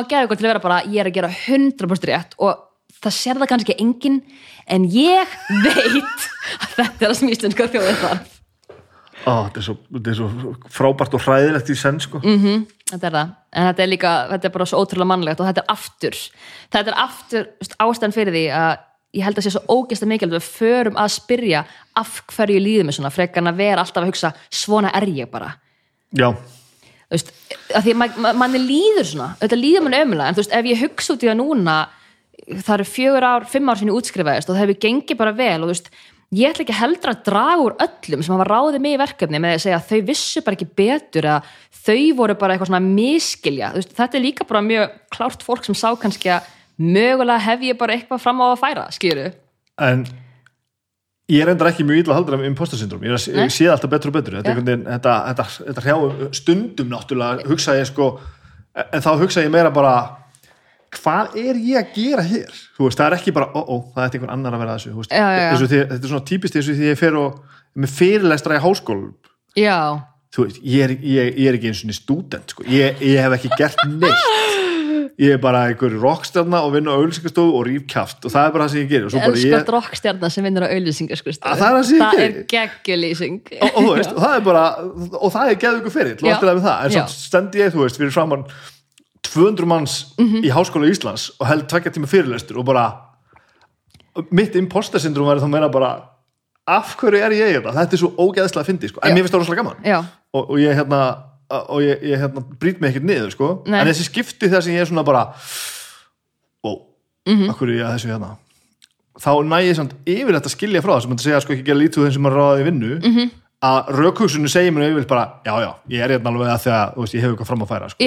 Þannig að ég ætla að vona að imposter syndrom í fólki sé nú ekki þannig að bara úf, þetta fólk hefur ránt fyrir sér, það átti ekki að ráða mig hérna, sko. Ah, ég held að sé alveg, allavega ef það er þannig hjá mér þá, eftir því sem við erum að tala um þá eru örgulega fleiri sem upplifa það líka. Að þú upplifir það, að Já. fólk sé bara gera bara, að fólk sé bara gera mistök með að ráða í vinnu? Já, ég hefur upplifað það. En sko, en síðan er þetta líka ég held að þetta sé líka partur af bara svona þörfinni að stjórna. Þannig að ég hugsa, skiluru ég ber ábyrð á öll í mínu lífi og ég get ekki, þú veist, treysti að aðrir séu bara nógu klárir eða þeir sjá hlutina rétt. Ég get ekki treysti, ég þarf að hafa einhverja stjórn þannig að ég bý bara til afsakanir fyrir annað fólk og segja að ég hafi selt mig of dýrt. Skýður þetta er svo, þetta er alltaf bara algjörlega á þetta er rosalega vinna maður. Þetta er rosa vinna og maður er, þú veist, ég er að reyna að vinda ofan af þessu núna, sko, en mér fannst alveg svona fínt þegar ég hugsaði, ok, fólkið sem er með miklu meiri reynslu en ég og ræðir mig í hlutverk, þau eru auðvitað, maður er alltaf að taka áhættur, en þau eru ekkert bara ógæslega heimsk, veist, þau eru að gera þetta af einhvers konar, hugsunarsemi líka. Og ég má líka alveg fara inn í þetta og hugsa bara, ok, ég ber ekki ábyrð því að þau réðu mig, en ég ber ábyrð því að gera mitt besta. Að því að þú veist, þetta var alltaf það veist, ég er búin að einhvern veginn, imposter syndrom er basically bara ég er búin einhvern veginn að að slá ríki augun af fólki það sér ekki hinn að sönnu mig og það er mér að kenna þannig að fólk byrja að draga úr sér þú veist, eitthvað svona já, já, ef mig má kalla þú veist, til þess að reyna að hafa einhverja stjórn á bara sjálfum sér en rauninni er þetta bara að halda aftur að þér. Já, þannig að ég er núna svolítið byrðið að vera bara svona, þú veist, ok þú veist þessu, þessu, þessu væru ekki að gefa mér þetta tækifæri ef að ég væri, og núna er ég svona kannski svolítið að tala bara um svörtu sanda núna, veist ég væri ekki í þessari stöðu ef ég væri bara bókstæla ekki með neitt fram á að færa Nei, það er bara, ég get ekki, þú veist, það er fullt af fólki búið að koma að þessu verkefni, ég get ekki látið alla undir þann hatt að þau bara veit ekki betur. Nei þa það, það er satt sko. Já, og ég get ekki verið það hrókafull að segja ég ein viti betur. Það Nei. er líka bara hróki í því, sko. Þetta er margþætt sko. Mhm. -hmm. Það er, mynd, það svo auðvelt að fara að gera lítið úr öðru fólki í, í leiðinni sko. Já. bara þetta er svolítið ríkt í tónlistafólki að hérna þegar aðdáðundur koma. Já, að bara, þú veist, nei, nei, veist, hérna, þetta er nú ekki svona bara, að ég hlusta eitthvað mikið músíkina og bjargaði mér algjörlega og eitthvað, það er svo ríkt í mann að segja bara, já, þetta er nú bara við strákandir eitthvað að leika okkur, sko, en þá ertu bara búin að taka tilfinninga fólks og bara svona, Já, bara svona krössa fólk einhver staðar, sko. þetta er það. Og auðvitað meiða maður það ekki illa. Nei, en in, in, in, in the end þá ertu basically að segja bara þú ert ekki þú ert ekki starfið þínu hæfur að kasta til dæmis fólk af því þú kastaðir mig þannig að þú sökkar, sko. ég sökka og þú. Já, það er ekki lægi, það getur ekki verið nei, og engin græðir. Engin græðir, já. Þannig að ég, það er svona svolítið mindseti sem ég er núna að reyna til einhver mér og er alls ekkert orðin eitthvað frábær í, en bara þú veist það er einhver, fólk er með trú og þetta er ekki allt fóruldra mínir sem einhvern veginn, þú veist, sjá ekki betur. Sko, sem verða að segja þetta, sem verða að segja þetta já, bara stóðst rosa vel, já, þannig að þú veist, maður er svona en, en auðvitað er líka bara mannlegt að vera óurugur og stundu þarf þurfum við bara að stappa stáðunni hvort annað. En svo er annað þarna sem er líka í hináttina mm. -hmm. Að það er ekki gott þegar að, þú veist, þegar maður gerir einhvern slatt af einhverjum hlutum og mann gengur vel í lífinu eitthvað, Mhm. þú veist eins og ég bara blessunulega hefur, hefur verið hérna, staðan hjá mér, já, að viðurinn að fara í gangi á mér þegar ég fer inn í verkefni og ég finna að skipti mig ekki jafn miklu máli og hefði gert vegna þess að ég er búin að gera eitthvað undan sko. já, þá fyrir ég að hugsa bara, nei, nei, nei, nú er ég ekki rétt um stað sko. Annarkvæmt þarf ég bara að finna annan vingil á verkefninu að mér líði svo að sé pínu hættulegt Mhm. -hmm. að því að tilfinningin bara, já, það gerist ekkert sko, það deyir enginn þú þetta verið lélegt það er bara, Einmitt. ok, nú ertu, að, nú ertu að draga úr sjálfu þér og öllu verkefninu sko. Þannig að annarkvæmt þarf að finna annan verkefni til þess að vinna sem mm -hmm. fokkin hrættu við sko, eða þú þarf nýtt teika það sem þú ert að gera og líka bara að virðingu við aðra sem munu horfa á annað absolutt, alla sem koma að þessu Já. bara framöndanum og afturöndanum og öllu sko. Einmitt, við náttúrulega erum í rauninni í þeirri stöðu og fólk er alltaf að koma til þess að horfa á veist, okkur búið til list Mhm. og það er náttúrulega bara bölvu vannvirðing að maður alltaf sinna að mæta bara, þú veist, í einhver ástandi zone, já. líka bara ekki ástandi til að Svo gera er einhvern veginn, veist, síðan annað, þú veist og bara svona alls konar, og, og það er líka til þess bara eins og með þetta að vera, veist, allir eru í börnáti og þannig, ég er heldur ekki að gera neinum greiða með því að taka með svo ógæst mikið verkefni, maður get ekki sendt neinur almennilega því ég er bara gjössuna að deyja úr þreytu. Og ég var rosalega mikið þar til dæmis, bara svona vinna, vinna, vinna, vinna, vinna, bara á hjólinu alveg á fullu. Heyrist að kaffi er ennþá hérna. Að vinna sína vinnu. En ég, þú veist, og þar leiðandi einhvern veginn var og það, og það var líka ákveðin flótti af því þá var ég alltaf svona, já ok, þú veist ég er nú ekki kannski alveg 100% þetta þannig að það er heldur ekki alveg að segja ég sé ekki nóg góð af því ég er bara ekki búin að sofa í tvo daga. Veist, þá var það líka svona ákveðin afsökun sko, frekarna bara ok, ég ætla núna bara að taka áhættuna vinna minna, fara full on í eitthvað eitt verkefni og gefa því allt sem ég hef og standa og falla með afverðilegingunum veist, á, svo lengi sem ég var þú veist kannski að lenda frá Ameríku og fara beint og sett í tökur og þar lendi þú veist á vökunni í 48 klukkutíma þá gæti þetta sagt, já en ég var sann svo ógeðslega búin að því og þreytt þannig að þú veist eitthvað svona, ef einhver myndi segja já, að, það er náttúrulega ekki alveg besti dagurinn. Já, ég er bara fókulega þreytt þú veist, þetta var líka ákveðin flótti sko. og ég held að fólk sé mjög mikið þarna ennþá þegar kemur að þessu að vinna svona mikið. Við erum bara að hampa okkur út hinga til þú veist, til 2021 hafa Íslandingar hampað sér fyrir að duglegir. Bara. en ég held að margir séu bara á bullandi flótta með því að vinna svona ógeðslega mikið. Já, það, það er erfitt að stoppa sko. Þarna kemur þetta líka því að, að hérna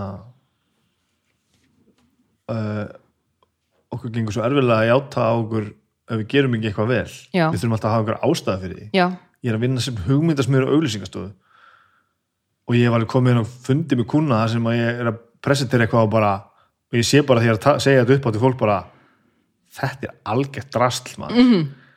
og ég er bara búin að læra. Ég segi bara þetta er ekki nú gott sko. Og engar ástæði fyrir því. Ég, bara, ég sé þetta bara núna, þetta virkar ekki. Ég þarf bara að gera þetta bara nýtt sko. Og það er fólk sem sérst, og ég sést um að fólk sér að vinna með bara það er þess að sérst að játa á því og sérst ekki nógu góður í það sem þú ert að gera eitthvað svoleið sko. hvernig hefur við að gera allt fullkomið alltaf, það meikar ekkert senn sko. prósessin þarf helst að skila einhverju góðu átputti sko. Mhm. -hmm. en, en akkur ég ekki geta sagt bara þessi útfarsölusin sem ég var að skrifa hérna hún er fokkin drast Já. Ég er ekki að segja ég sé drast, því ég er bara frekar frábær sko. en þetta sem ég gerði hérna, ekki gott Nei. og það er ekki að því ég var á tvekja dagar flugi frá bandaríkjum sko. Nei ég gerði þetta rosa mikið í tökum sko, Baldvin þurfti alveg svona að pikka í mig bara, heyrðu, hérna, því ég var alltaf að taka já, en síðan er þetta handrið nú bara þú veist, þetta er náttúrulega bara eitthvað, hefst, þannig að- að ef að þið eru með eitthvað svona take á þetta eitthvað betra, bara þú veist, komið með bara aldrei, þú veist, og þetta var svona partur af þessu var líka bara svo allir gætu komið með, þú veist, sinn stíl inn í þetta, já. en Baldvin þurfti alveg að vera svona, þú veist, aldrei þetta handrið er alveg fínt, sko og þú veist, þú þarft ekki að afsaka það. Þú þarft ekki að, Ó, hann er svo góður í þessu sko. ég veit það. Og em, hann er sko minn helsti stuð, eða pepp, pepp, pepp bolti. hann er, hann er, ég segi þetta ekki um marga hann er snillingur, Mhm. svona í, í sterkustu meiningu þess orð svona, svona, svona uník snillingur. Já, algjörlega. Og, þú veist, og, og aftur ég, get, ég ætla ekki að vera að draga úr baldunum með að segja ok, hann er nú bara algjörlega að miskilja að vera að vinna með mér. Þú veist, það er, það er bara það er bara fókin vannverðing sko. Mhm. þú veist, það sem maður veit miklu meir en ég eh, og allir sem koma þessu, allir sem er að vinna í framlýstu og glassrifur og, og veist, allir vita meir en ég. Ég er bara einhver nýgræðingur. Ég ætla ekki að segja bara svona já, en þið eru öll að miskilja ég er nefnilega umfulleg skilur þau meist það ég held að hugsa um þetta svona. Þannig er fín lína samt líka. Þú veist, þú sem kemur inn reynslu minni Mhm. -hmm. Það er náttúrulega alveg digð í því að, að sjá samt þá sem að hafa gert þetta rosalega lengi Mhm. -hmm. bara, já, þessi kannski veit meira í að því að bara að því að reynslan er til staðar sko. auðvitað, þú veist og mér rauninni þetta eins og ég segi, þú veist ég get leift mér að treysta það, þú veist, ég get treyst í að fólk viti meir en ég og sjáu kannski einhverja möguleika sem ég sé ekki þannig að þú veist, það er bara svona, tekur bara ábyrðina af sjálfum manni í rauninni veist, ég kem bara með sem ég hef, ég gera bara sem ég besti sem ég get og ég er, er hægt að fljúa þannig að núna er ég bara í leiklistinni. Þannig að þú veist, ég hef enga ásökun, ég bara sef mína 8 tíma, 10 tíma nættina og bara mæti vinnu, sko, þú veist og ég legg allt sem ég á og hef gert það, veist, síðasta árið, síðasta COVID árið, sko eitt og hálft, þá hef ég bara núna lagt allt sem ég á í leiklistina, þannig að núna er ég núna, núna er ég að fá að upplifa þetta bara að standa og falla gjössamlega með sjálfur mér já, þetta, er- þú, þú upplifir það núna með já, þessu. Já, þetta er fyrsta sinn sem ég upplifi bara algjörlega að bara fyrst ekki eftir æfinu mennunni grínlaust bara gæti verið það fyrsta skipta æfinni, þetta er að það var fyrsta skipta æfinni sem ég veist, veit alltaf svo hluti um sjálfum mig sem ég veit núna. Já, já, já. og er, búin, og er veist, þannig búin að fara inn í eitthvað. Þannig já, á ákveðin leiti er þetta algjörlega fyrsta skipti. Hvað gerist þannig að það hefur útskrifast? Hvað hva, hva, hva fer þá í gang þá, þegar ég útskrifast þá var ég komin með uh, stöði í þjóðleikúsinu með Vesturporti uh, og var líka að leika í Föngum sem var hérna, sig já, hvernig fangilsi sem var Vesturport var líka með. Þannig ég var, þú veist, Tjúvill var það skemmtilegt maður. Það var ógeðslega flott serja hún er held ég með þess að ennþá á Netflix maður þyrfti næsti að bara horfa aftur á hana. En hún var ógeðslega flott. Og mér fannst hún líka bara svona, þetta var svona tíminn þar sem að, að mínu mati um, kveikmyndi gerða Íslandi bara svona í kringum þetta leiti er að taka eitthvað svona skref áfram. Það eru einhvern veginn hlutin að verða svolítið meira svona veist, meira high budget og bara svona finnur alveg fyrir því að talmátin, fólk er fara að leifa sér að tala náttúrulegra og bara þú veist hlutin eru orðin einhvern veginn svona aðeins realískari. Mm -hmm. sem kannski verður ekkert alveg búin að vera fannst mér, sérstaklega ekki rúf um, e, og þetta er ekkert shade bara þú veist, Rú náttúrulega er líka stöðin sem að hefur kannski hingað til þurft að vera rosalega meðvutið um efnið sem þeir setja fram og það sé svona, þú veist, vera að halda tungumálni í háfum og bara, bara, bara alltaf. þannig að allavega ég fer sín í þjóðleikúsið, er þar yfir einn vetur og er að fljúa allan tíman samlega þessu, ég samt byrja að fljúa uh, áður en að ég kláraði útskrift, þá var ég komin í flugið og var fastræðin bara fljótlega. Þannig ég var að fljúa og leika bara alveg fram að COVID alltaf sem var geggjað og líka margtrækjent af, af hverju? Að því að sko, eins og ég sagði það á þann þegar ég útskrifast þá var ég alveg að búast við að fá ekki neinverkefni já, já, þú meina það já. þannig ég ætlaði, þú veist, ég bara ég, hérna, bara, ég þorði ekki. Ég bara, það er bara það, ég bara þorði ekki að láta, þú veist, listana grípa mig eða þannig, og ég líka kann ógeðslega vel við flugið. Það er ákveð hlutverk að vera flugfræða já, veist, já, það er já. líka svolítið skemmtilegt og náttúrulega þetta voru, þetta var alveg svona ákveðin gullöld hjá Íslandir, þú veist, fríðindin voru æðisleg og maður var náttúrulega bara í Ameríku og maður var, þú veist, einhvern veginn á allir og síðan bara hver einu dagur er mismunandi, maður er alltaf verið með nýju fólki maður er, þú veist, í aðstæðum þar sem bara svona allir eru heilt yfir frekar næs, þú veist, fólk er oft bara svona gleði, auðvitað stress, en yfirleitt er fólk bara svona, þú veist, spennt og ánægt að vera fyrir flug og þú veist, ekki, ekki 100% ímyndi sem maður hefur að því að vera, vera Var þið? já, eða bara verið flugvel ég tala ekki um ef maður er, ef maður er í þjónustastarfi sko. Nei, ég veit ekki, ég allavega upplýði bara mjög svona, þú veist, yfirleitt voru dagarnir bara mjög jákvæðir, eins og ég segi, þú veist, af því að fólk eru að fara á vit ævintýrna, mjög margir, eða hitta fjölskylda vinni, auðvitað eru sumir sem eru alls ekki að því, veist, auðvitað Nei, eru, nei, og, og þetta er eins og allt annað ma- maður, þú veist, heyri ne neikvæður hlutina og ekki hinn það er það, það er mjög fáir sem eru bara eitthvað svona, bara átti geggjaflug, gerðist ekkert merkilegt, fekk fína þjónustu, þú veist, og flugfræðan brosti, þú veist, það er enginn sem segir þetta. góða matur og allir þessir Já, það er ekkert eitthvað svona afburða góð bagett og ég er bara í skíunum sko. um, þannig að þú veist, mér fannst gaman að fljúa það voru geggjöð fríðindi, ég var nýbúin að kaupa mér íbúð, þannig að ég var líka bara þú veist, mjög meðdum, ég væri komin með stort lán og, og þú veist, það var alveg bara það. En samt einhvern veginn allan tíman var ég að leika alveg slatta, veist, ég er ekki alveg viss um að ég hefði getað náð endum saman þægilega, en ég hefði alveg geta sleppti að fljúa ég lifði líka bara fekar góðu lífi þú veist, ég mér tókst að borga svo mikið upp lánið og svona, þannig ég sé ekki eftir neinu. En ég er þú veist, low key þakklátt COVID út frá sjálfur í mér að hafa stíðinn af því að ég var búin að setja mér áramáti heit 2020 að segja skilið við flugið eftir sumarið en ég hafði nú alveg ættað að gera það áður og hafði ekki gert það. Já, já, já. það hefði alveg, ég sé það alveg fyrir mér. Alltaf með svona leið út. Ég veit það, ég, ég, sko, ég er búin að vera ég hef ekki þetta staðið með neinu. Ég er líka með styrlan skuldbindingu óta það er líka það, bara óttin örgulega við höfnun eða eitthvað. Once again komum við inn á uppruna minn. En hérna þetta var svona sálfræði tími Þetta er svo gott sko. en ég er líka var með svona geðika skuldbindingur óta þannig að það var líka bara það, ég var ekki tilbúin að skuldbindast listinni eða þannig. En síðan kemur COVID og mér er satt upp sem flugfrið eftir sumarið og þú veist, akkurat byrja bara í geggi verkefni, byrja í köllu og það, ég ætlaði að gera þetta samhliða hver öðru og ég sé núna að það hefði aldrei gengið ekki neinu lífi. Að fljúa með því? Já, bara tökutarnir voru það margir og þeir voru það þjætt þú veist, þetta hefði aldrei gengið, sko, og ég var alveg orðin tæp eins og þeir leiki brot. Það var alveg búið, að- ég var komið svona eina viðvörun frá Íslandir, þú veist, hérna þú veist, þú ert, þú mátt ekki vera að skipta svona mikið flugum og eitthvað, þannig að ég var alveg orðin svona tæp. Og síðan náttúrulega fyrir við bara í tökur á svörtusöndum og þar hefði ég aldrei getað flóið með því, þú veist, það fór í gang maður var veginn alltaf, þú veist, maður er aldrei fyrir en bara grínlust, fyrir en þetta komið í spilun, þá einhvern veginn er maður alltaf svona að, þessi gerir þetta ekki. Þannig að ég, svona bara, ég þorði ekki. Nei, nei, nei. Síðan kemur COVID, ég er mér satt upp og ég hef bara verið að leika síðan og skrifa. En þú ert ekki búin að vera á sviðinu síðan þannig, sérst, á, að leika á sviði síðan bara þannig nei, 2017 Já, um, en ég samt að það er mjög líklegt að ég fari aftur í leikhúsið núna á næsta ári, náttúrulega síðan kemur COVID og þá hefur það frestast. En ég var samt, það voru svona komin drög að ég myndi fara aftur inn og ég er samt í Borgó. Eh, það er verkefni sem að veist, maður þóri bara að segja neitt að þetta er bara ég sá nafnið í leikskonu, við fórum á Emil. Já, það ekki? jú, ég er í Borgó þannig séð, en að því að það er COVID þá veit maður bara aldrei hvað gerist og það er svona að stefnan er tekin ég sé að fara að vera í verkefni sem er í samstæri við Erlend leikhús líka. Og það er líka eitthvað sem maður bara svona, ok, hvað er COVID versnar, þú veist, er það þá oft þannig að ég, mér finnst erfitt að tala um það en vissulega er ég, þú veist, ég er í leikskranni ég er í, á, hérna, starfsmanna blaðinu sem allir leikar Borgó eru. Og síðan er ég líka með leikhoppi í þjóðleikúsinu núna, við erum búin að vinna leikgerð að Íslandsklukkunni. Um, og svona, svona hot take á Íslandsklukuna Svo relevant. Já, svo sjúkla. Og við erum svona fjóri brúni leikarar að leika. Já, ok. Þannig að þetta er ógislega hot take. Og, Það er geðveikt. Já, og ég leika Jón Hrekkvisson þar.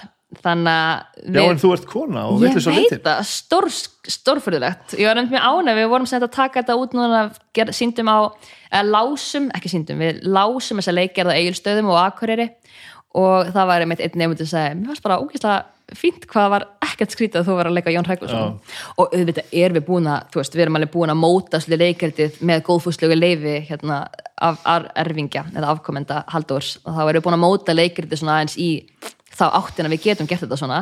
Þetta er snildarægt. Já, og þetta er ekki bara svona fín leið held ég til þess að bæði revju upp fyrir þá sem hafa lesið. Og við vorum að komast að því að það er ekki lengur skilda að lesa Íslandslökuna í skólum á Íslandi.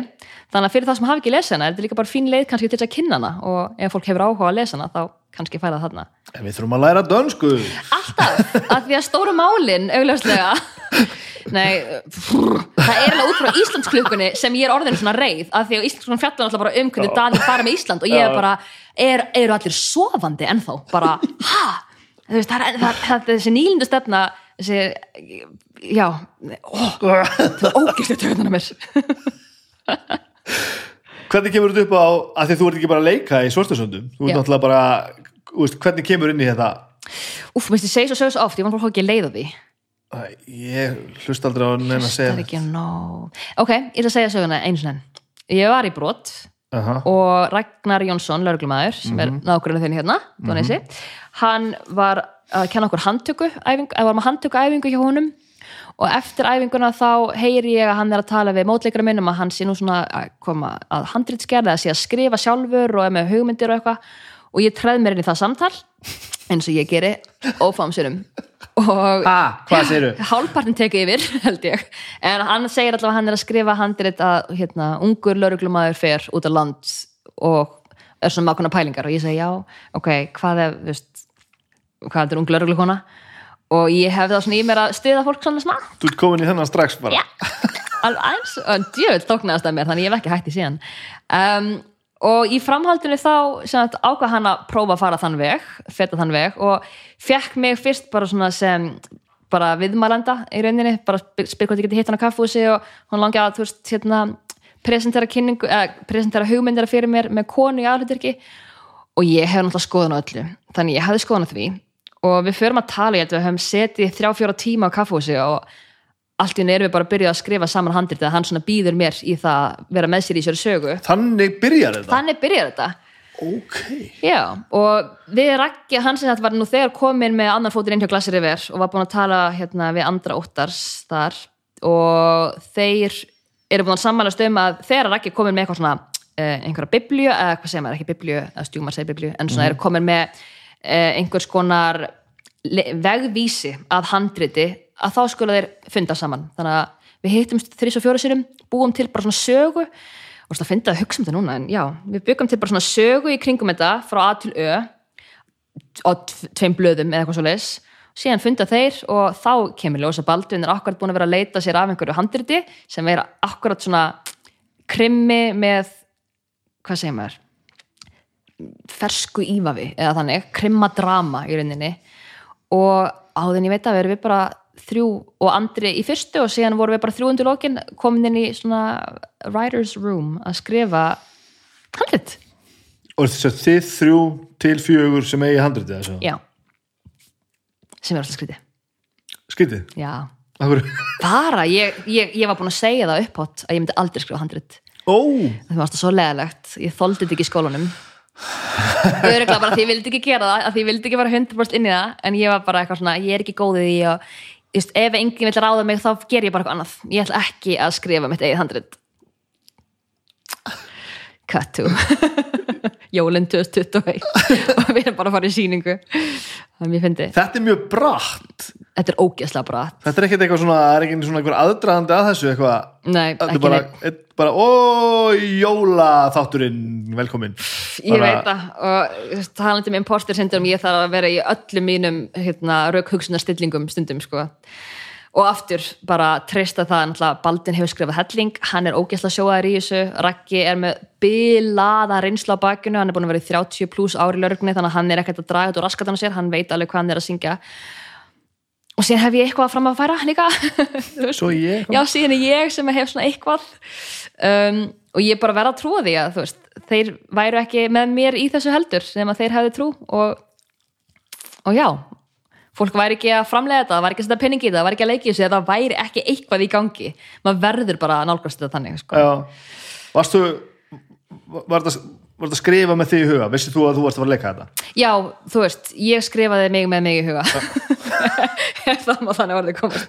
Nei, nei, þess að Raggi saði við mig, við vorum byrjað að tala um þessa lauruglukonu og ég var ekkert, þú veist, þetta var samt og ég, nei, nei, ekki minn við skulum bara sjá það, eitthvað svona. Og síðan bara já, var ég að leika þetta. Og það var ekkert svona eitthvað óvart og hún er skrifið þrítug, blönduð dökk yfirlit Já, það, það er alveg upphæðu, er það bara inn í, já, já, já, það er alveg, þú veist, bara hennar hérna, þú veist, já, það, hennar útliti er alveg, ég ætla ekki að segja partur af söguna þetta er alls ekki einhver svona hérna, predikunar saga neinu leiti, þetta er alltaf Baldvin, hann myndi aldrei gera það en þú veist, ekki en þá allavega. ekki ennþá. En við erum ekki að taka, hérna, ég sé bara ekki húðlit og okkur eru ekki allir vinnir, við erum ekki að taka þann alveg heldur, sko, þú veist, við bara erum bara svona sína, bara, svona eru hlutnir, stundum, svona þannig. Og, veist, allar fórsendur eru fórsendur, Já, veist allt skiptir máli, allir hafa skoðun. Þetta er mjög áhugavert sko. Hvað er það búin að sjá mikið af þessu? allt Ertu búin að sjá það? Já. Full hlift? Já, og það er að gegja það, að því ég er handritsöndur að þá fæ ég líka að sjá allt, að því ég þarf að fá að koma með mika bara mína skoðun ef það er einhver sena sem að kannski ég upplifi, heyrðu, þetta er bara ekki ég, mér finnst þetta ekki alveg vera sögnin sem við ætliðum að segja veist, þá þarf ég að vera, þá þarf ég að geta að sé þetta og það er mjög óvinnilegt að leikari fær að sjá Já. efnið áður en það er komið út, sko Ég nú líka bara gapandi hissa með að Íslands skipula að þessi búið að klippa þetta allt. Sko, þetta er geggjað geggjað prósess, auðvitað er þetta ókslaflókið og við erum aðeins eftir áallin kannski, en heilt yfir bara þetta fyrirtæki að, að vinna með glasir yfir er það er bara magnað, þú veist, Já. það eru allt frá því að vera með tíu tíma vinnudaga, það er bara í reglum hjá þeim að það er ekki bóðið upp á 12-14 tíma daga, það er bara 10 og þetta er búið og þá er ég að tala um skilur 10 og þá er ég að klára 9.30 svo ég geti skipt um búning og Já. sminkdeildin geti klárað að ganga frá og allir geti rappað svo allir séu í 10 það er til dæmis bara svona það er magnað og því líkt sem ég fann fyrir því að þetta eru það voru 70, nei hérna þetta voru 68 tökudagar eða eitthvað, þetta var allavega þú veist og ég held ég hef verið 64 það að vera ekki að vinna í 12-13 tíma heldur bara 10 það skiptir öllu máli það er alltaf helgafrí af því að fólk er bara með fjölskyldur og þú veist, þetta er bara vinna, lífið liggur ekki við. Ég held nefnilega að, að því við erum að tala um að við séum að færast nær og nær í atvinnum að stöfðu okkur sig að vera betra og svona. Já. Ég held nefnilega að vinnu ettikinn spili ekkert minna inn í heldur en nákvæmlega hvað er að gerast frá að mynda vel það er þannig, það gerist ekkert magnað þegar að fólk er orðið svo þreytt að það fara að gera mistök. Nei, það, það er eiginlega, ég er bara, veist, á Baldun sér að sjálfur bara, það hefur engin taka í rauninni verið það mikið betri að því að þú tókst 12 tíma vinnudag sko. Veist, það var kannski, ég held að það hafi verið einu sinni að tvisvar kannski sem þurfum að fara í eitthvað svona overtime en þá er það líka bara eitthvað svona einhver frávik sem þarf að gera það eru frávikin og það er líka, það var líka frávik að við vorum að vinna sex daga í viku og þá var alltaf bættur upp dagur einhverstar annar staðar, þú veist, þá var þetta kannski heyrðu að því að það er þarna sömundagurinn fyrsti að ætlum við að reyna að taka frekar fjóra daga samfliti frí, frekar en að hafa þú veist, fjóra daga í vinnu, síðan einn og síðan þrjá, eitthvað svona rugg, þú veist, það var alltaf verið að reyna einhvern veginn að gera lífið fyrir alla bara svona bærilegra. Og það bara, it shows að því að orkan á setti var alltaf geggjuð. Við segjum bara, ef þetta er ömulegt efni það skiptir ekki máli að þetta var bara það skemmtilegast sem maður hefur gert og það mun alveg skila sér sko. Já, þannig að, þú veist, einmitt eins og segir þetta, bara, þessi etikett er náttúrulega þekkt í bandaríkjunum. Þar eru jafnvel bara 8 tíma vinnudagar þú veist, þá erum við bara að taka þetta eins og þetta sé alvöru vinna og ekki við öll bara einhvern veginn að já bara sorry eh, ef ég má spyrja, er í lagi vinni ekki þú veist, 16 tíma í dag því veist bara, þetta er bara vinnan mín og við bara erum stolt af því og byrjum virðingu fyrir því við byrjum virðingu fyrir tíma fólks og tíu tímar er bara fake no já, það er bara fucking hellingur sko. það er bara hellingur, sérstaklega í vinnu sem er, þú veist, ég menna, allt tökukrú og aðrir eru með sko ekki varning heldur svona hérna, tæki og tól sem eru sko mörg, mörg, mörg þú veist, ég veit ekki, 50 kíló á bakjunni eitthvað, þetta er ógeðslega mikið líkamlega erfið vinna, þú ert mikið að standa á fóturum, það er mikið um hlaup. Það er bara, þetta er ógeðslega erfitt fyrir alla. Þetta er ekki bara leikarar að mæta fram að myndavel þú veist, að halda myndavelni er hræðilega erfitt starf. Og ógeðslega, þú veist, það er ekki, hræðilegt en það er bara ógeðslega erfitt starf. Og þetta er rosalega mikil andleg vinna líka sem fer í þetta. Og þú veist, allt fram yfir bara, allt fram yfir 8 tíma er bara orðið mjög erfitt, 10 tíma vindar eru líka erfiður sko. Og meir en það er bara næstu því sko pff, ég sakna þess ekki ég, ég vil ekki vinna aftur 12 tíma vinnudag sko nei, fyrir mér er þetta líka sko, þetta er meira ég er að vinna á auglýsingastofu Mhm. það er nú ekki stórkostlegt erfiði sko, og veist, ég kem ekki bugaður heima hérna, af líkamlu erfiði sko. nei, ekki líkamlu Pipar er besti vinnustæðar í heiminum sko. Mhm. og það hefur svo mikið með það að gera það er fullkomi skilningu fyrir að þurfur að gera suma hluti sko. Ef að þú þarft að fara eitthvað með barnið þitt já, þá þarftu bara að fara eitthvað með barnið og bara afstæðan til þess að ég viti það að ég þurfi ekki að einhvern veginn að hoppa í kringum það sko. Mhm.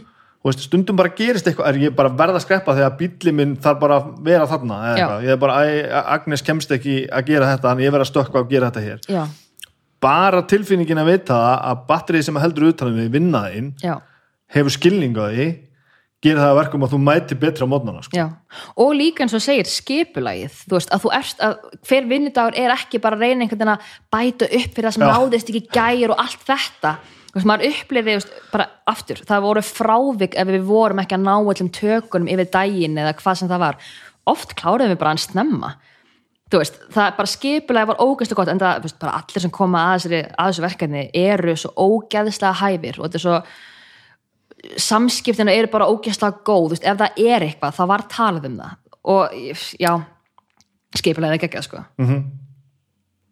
ég lagt að sjá það sko. já, ég er líka, ég er stressið og ég er líka mjög spennt fyrir hverju þú stressu samt bara, að þetta, bara, þetta virk ekki eða? Já, veist, ég stressa að fólk muni hata mig, skiluru og að fólk muni, ég, held, ég er nefnilega ekki stressa fyrir öðrum leikurum, ég veit að allir leikarnir voru geggjaðir, þú veist, ég er stressa fyrir einum þriði af handritinu það er eitt þriði sem ég kom að kannski. Veist, ég er bara stressa fyrir öllu sem snýrað mér af því að, af því að ég er nú samt ennþá bara með imposter syndrom döðan, sko. En heilt yfir þá þú veist, er þetta búið að fá bara mjög góðar viðtökur hjá hérna, Rínus Hóp og, og erlendum aðilum sem eru í dreifingu og eru standa bak við framlýslu líka. Það er allir ógeðsla ánæðir þannig að þú veist, ég held að við getum alltaf verið stolt af þessu sko, hvað er þetta langt? Hvað er þetta- átta þættir og þeir eru svona 45 mínútur hver. Vá, hvað þetta er mikið maður já, eins og ég segi, ég meina þetta eru 70 tökudagarnasti þetta er alveg, þetta er stærsta verkefni sem Glassriver hefur framleitt, þannig að það eru líka allir svolítið að svona, taka sín fyrstu skref. Stærst og ekki stærst, þetta er allavega skilur, jú þetta er, Glassriver hefur ekki framleitt neina kvikmynd. Nei, þetta er stærsta verkefni Glassriver. Já, hérna. Mm -hmm. Mér er svo áhugavert líka að Baldur sé að gera þetta já, að einhvern veginn bara svona að maður heyrir um hvað þetta er að hann sé að leikstur þessu, það er eitthvað pínu áhugavert. Að það? Að þið minnst þetta einmitt þetta er einmitt Baldvin sko Ó, þetta er, morð og löggur og já, Baldur þetta en þetta, sko, það er nefnilega máli þetta er drama, Já, þetta er það er miklu þess vegna meira sem ég laka til sko. Já, þetta er miklu meira fjölskyldudrama en þetta er einhver svona bara löggu who og, við erum mjög mikið að skoða jafnvel bara svona í veist, íslensku þjóðarsálegar uh, hvað maður segja, að við erum að skoða bara veist, hvernig, hvernig trámikið um ætt og aldir og annað hefur haft áhrif á hvernig við erum í dag og við erum að skoða bara briskleika fólks veist, það er engin einhvern veginn ég, ég held að segja alveg í lægi ég segi, það er engin svona bara einhver yfirgengilega klár lögga sem er bara, þú veist, að fara að leysa allt eins og Horatio í CSI þetta er ekki það, sko. Veist, við erum bara að sjá alla á sínum versta degi stundum sínum besta degi allt þar á milli, þú veist. Þetta er held ég mjög mannlegt og það er alltaf sem Baldvin gerir. Já. Hann það gerir er það mannlegt efni, sko. já. og náttúrulega með rakka síðan og hans reynslu að þá erum við samt sem að líka að fá alveg, alveg svona, við erum að fá ný augu líka á rannsóknar þú veist, hvernig rannsóknir virka ég er, smá, ég er smá líka bara svona vonandi finnst þú öðru lauruglufólk getið lægi að við stundum kannski skrifa sena og síðan fyrir við sem við veitum ekkert í gegnum hana. Og maður er svona ok, ég vona samt sem maður er við sem að gera svo góð skil. Var einhver staðar í, þú veist, í aðræðandur sem að þú bara raksti á eitthvað og bara kynnir ekki eitthvað, varstu bara reikin heim með eitthvað, þú veist? Guð, ég, já, já, alveg, sko, ég náttúrulega kann ekki að fara með lauruglunum svo ekki alv, alvöru, sko Nei, þetta sér að pæla, að þú veist, þú er ekki skrifað áður Mhm. -hmm. og, og veist, samt auðvitað með fullt af reynslu sem þú vil leik og svo leiðis uh, og ekki minnst þetta löggustöf sko, og svo ertu bara komin í að skrifa einhverja, veist, einhverja þúsund mínútur af einhverju svona, þar maður það ekki bara fokkin skrifa drastli og láta reyka sig heim ég viðkjörn það alveg ég lagði að því að núna er ég að gera allt af heilum hug að ég setti alveg hellingaransókn vinnu í þetta Já, ok, og þú veist, ég, og ég, það finnir að ég er ennþá alltaf að hlusta á veist, serial killers podcast og eitthvað svona. En ég, ég, ég lá í öllu svona rannsóknir efni sem ég fann, bara til þess einmitt að að geta eins, veist, á einn stuttum tíma og ég gat fengið allavega tilfinninguna fyrir því hvernig maður talar og þú veist og bara af hverju er maður að leita? Veist, auðvitað er búið að skrifa þetta allt saman út en bara svo maður hljóma ekki eins og hálfviti sko. Þannig að ég, er, ég gerði rannsóknina sinni gatt og síðan er maður alltaf með Ragga. Raggi var yfirleitt með okkur á setti þegar við vorum í svona, hvað segir maður, svona þingstu lauruglusenunum þar sem að kannski, þú veist við hefðum verið kjánuleg og hann alltaf er búin að vera að fylgjast með þú veist, öllu efni sem hefur verið bara, þú veist, ekki öllu, en hann fylgjast mjög mikið með, þú veist, hvernig er verið að gera þetta bæði á Íslandi og Erlendis. Og þú veist, það er mjög oft sem að mér skilst að lauruglufólk er bara náttúrulega kjánar all döðans þannig að þær senur sem voru áhættu áhættu mestar varandi kjánarhollin þar var ekki á setti og var svona hei krakkar. Og það er það bara lagað á staðnum bara. Já.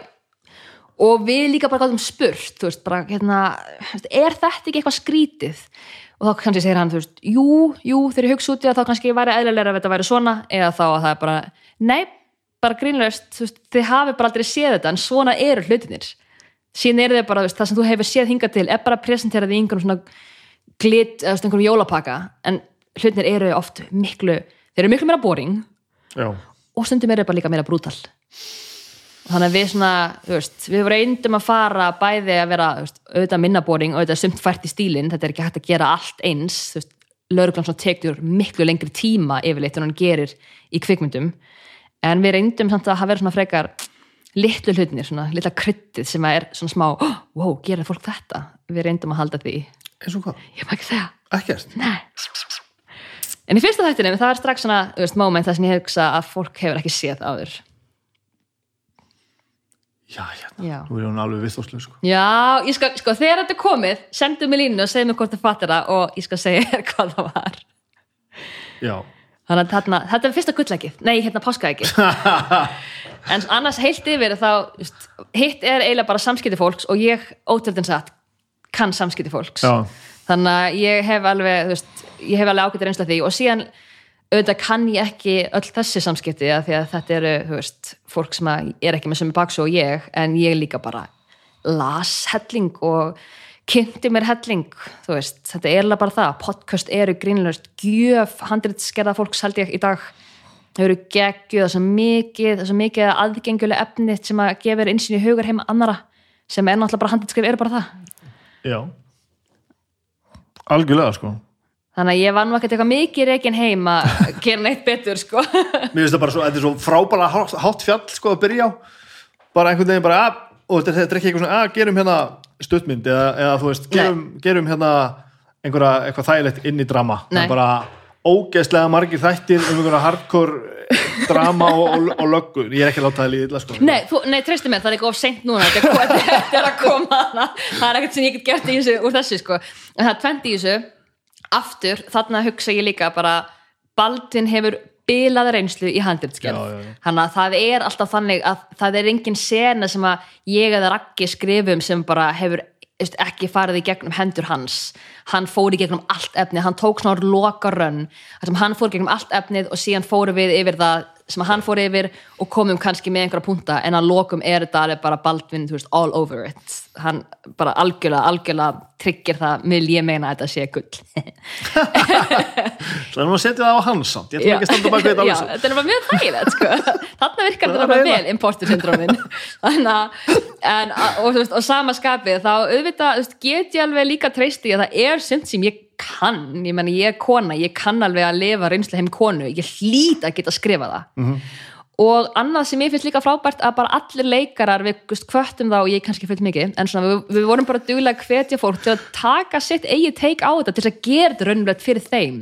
Þannig að ef að leikurnum líður eins og þeir skilji karakterinn og geta komið með þú veist, sína sín á hvernig svona manneskja myndi tala, hægða sér, af hverjum gera hlutina þá, bara, það þannig að ég, veist, það koma svo margir að þessu. Ég trúi því ekki það virki ég trúi ekki. Ég, Þannig er ég með þetta með að hvetja fólk til að gera þetta sínu. Ég gerir stundum ómikið að því. Já, já, maður getur alveg gert það mikið af því. Og það stundum alveg, þú veist, ef maður svona ok, trefmyndir aðeins niður, trefmyndir aðeins niður hérna.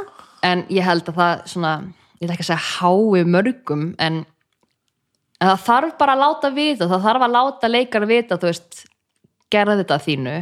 Nema að þetta sé með, nema þú veist að handritshöndur eða leikstjóri sé með einhver ákveðna þú veist, listrana sín og það sé ástæða fyrir því að hlutin verði að vera nákvæmlega svona.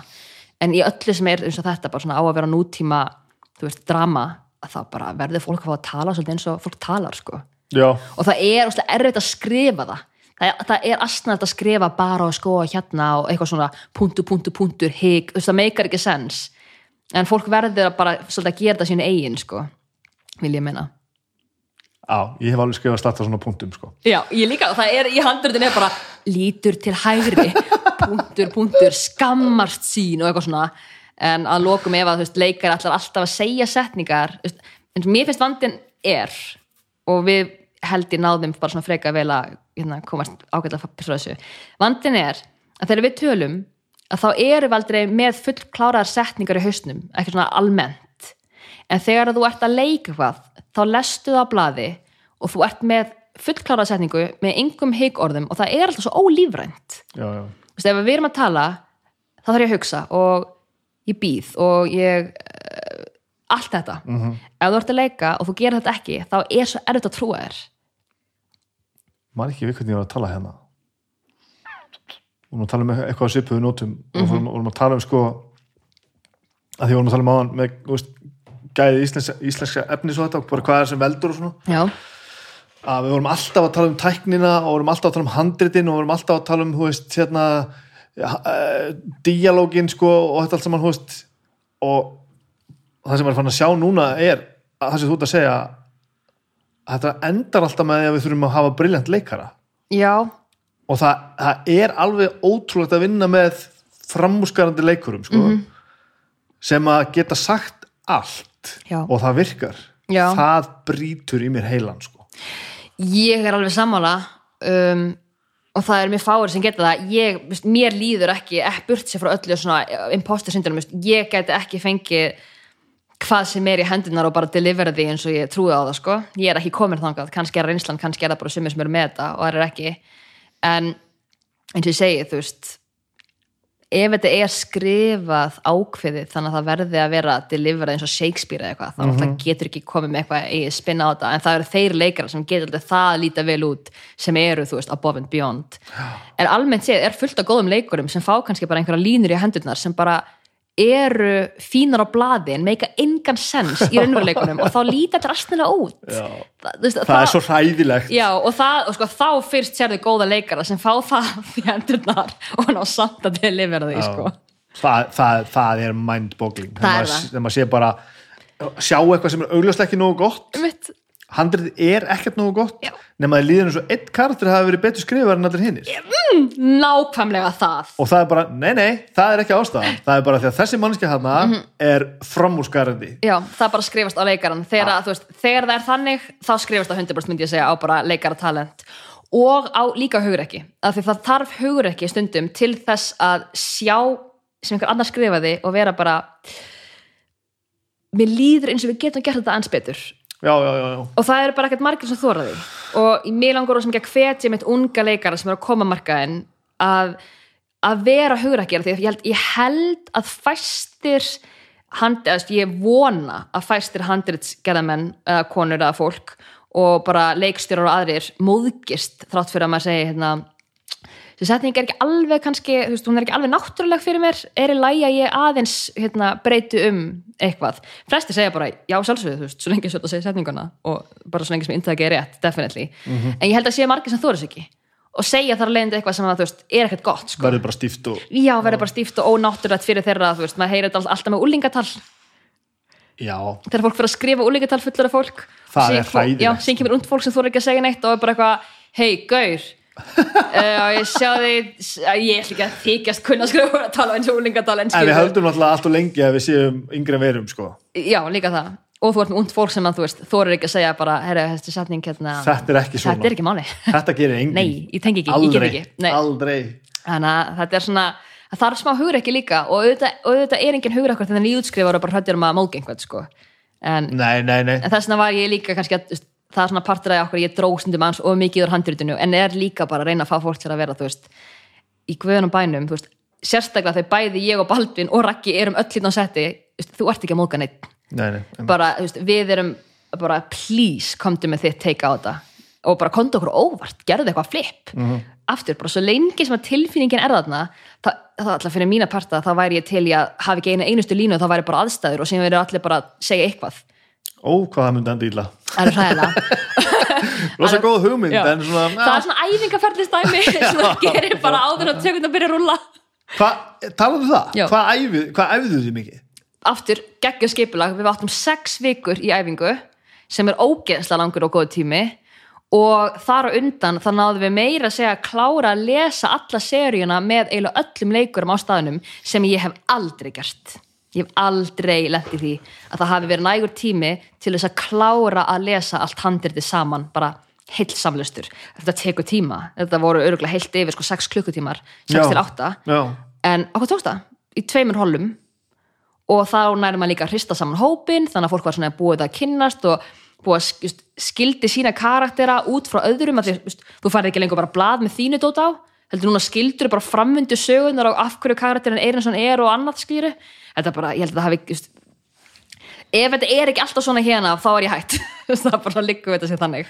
Þetta hljóma samt einhvern veginn sko, eins og þetta hljóti að þurfa að gerast svona. Já, og það gerist ekki. Og þetta hljómar þannig að það er þannig. Svona þurfa hlutir að gerast vil ég meina til þess að geta náð mögulega bestu og niður útkomu.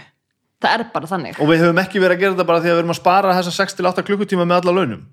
Sko, fólk er náttúrulega alltaf að spara. Þess vegna hefur þetta ekki verið gert.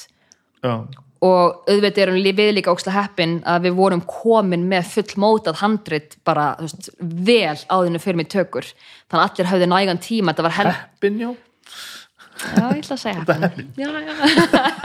ég vil ekki, já.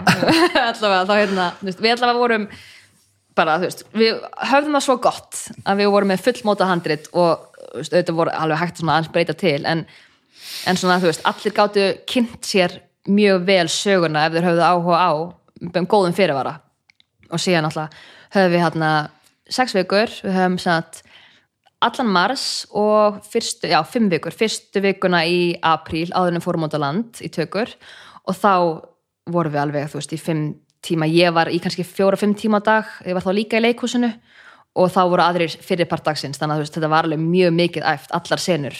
Og það gerðist svo mikið af töfrum á æfingunum af því þá líka eru allir bara afslappaðir er enginn, veist, stressaði fyrir því að það sé komin tímapressa og fullt af fólki í kring. Og það var fullt sem að fættist sem er sko bara handriti bara breyttist á æfingunum sko, sem er bara algjör gjöf líka og þá voni að, ég vona líka mjög mikið að þeir leikara sem taka þátt í þessu upplifa að þeir eigi líka rosalega mikið í þessu handriti og í sínum karakterum og séu þar leiðindi, þú veist, mjög investiraðar í þessu, því það er í rauninni besta leiðin.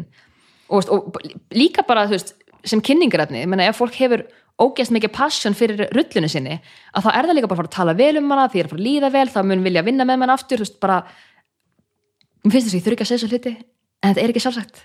Nei, þetta er ekki sjálfsagt. Þetta eru forréttindi í rauninni að mínu mati, þú veist, ég hef ekkert verið lengi í, í þessum veist, heimi en hinga til, það hef ég aldrei held ég fengi svona mikið tækverð, ég hef aldrei verið í svona stóru rullu, en þú veist, ég held ég myndi hef aldrei lesið í gegnum heilt handrit með hópi og nema föngum kannski, um, ég manna það reyndir ekki alveg, kannski var það hálft. Maður, oft svona er eitt samlustur og maður les fyrstu þrjá þættina Fá fílingin aðeins fá fílingin, en þú veist, ég hef alveg veist, ég hef alveg skrifað undir og ekki vitað hvernig fer fyrir karatötu mínum og það er alveg leiðilegt veist, það er alveg óþægileg tilfinning fannst Já. mér til dæmis. Já, já, þannig að ég vil meina að þetta sé veist, leiðin til þess að gera bara besta mögulega leiðin og veist, það er bara þannig að glassrifir eru bara brautriðendur í þessu.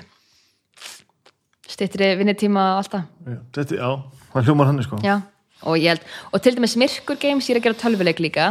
Og þau eru hérna, mm þau eru að byggja til dæmis, við byggjum okkar töku mótil svolítið á þessu.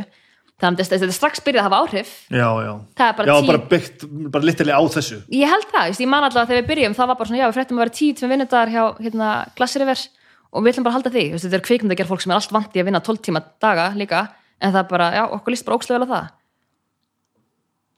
Og við höfum hingað til, hefur það gengið ókslega vel þannig að þetta, þetta bara hlýtur að vera framtíðin ég talaði við hérna, lögfræðing Erlendis sem Já. er í þessu og hún fekk áfall þegar ég sagði henni varum að vinna tíu tíma tíu tíma, hvað meinar þetta, þú veist, þannig að Ísland er alveg við erum að fíkur okkur en Við erum alltaf brjálaðingar sko. Já. og við höldum alltaf við sem gera okkur einhverja greiða með þessu aldrei Nei, Aldrei. Aldrei. Aldrei. Það er alveg satt sko.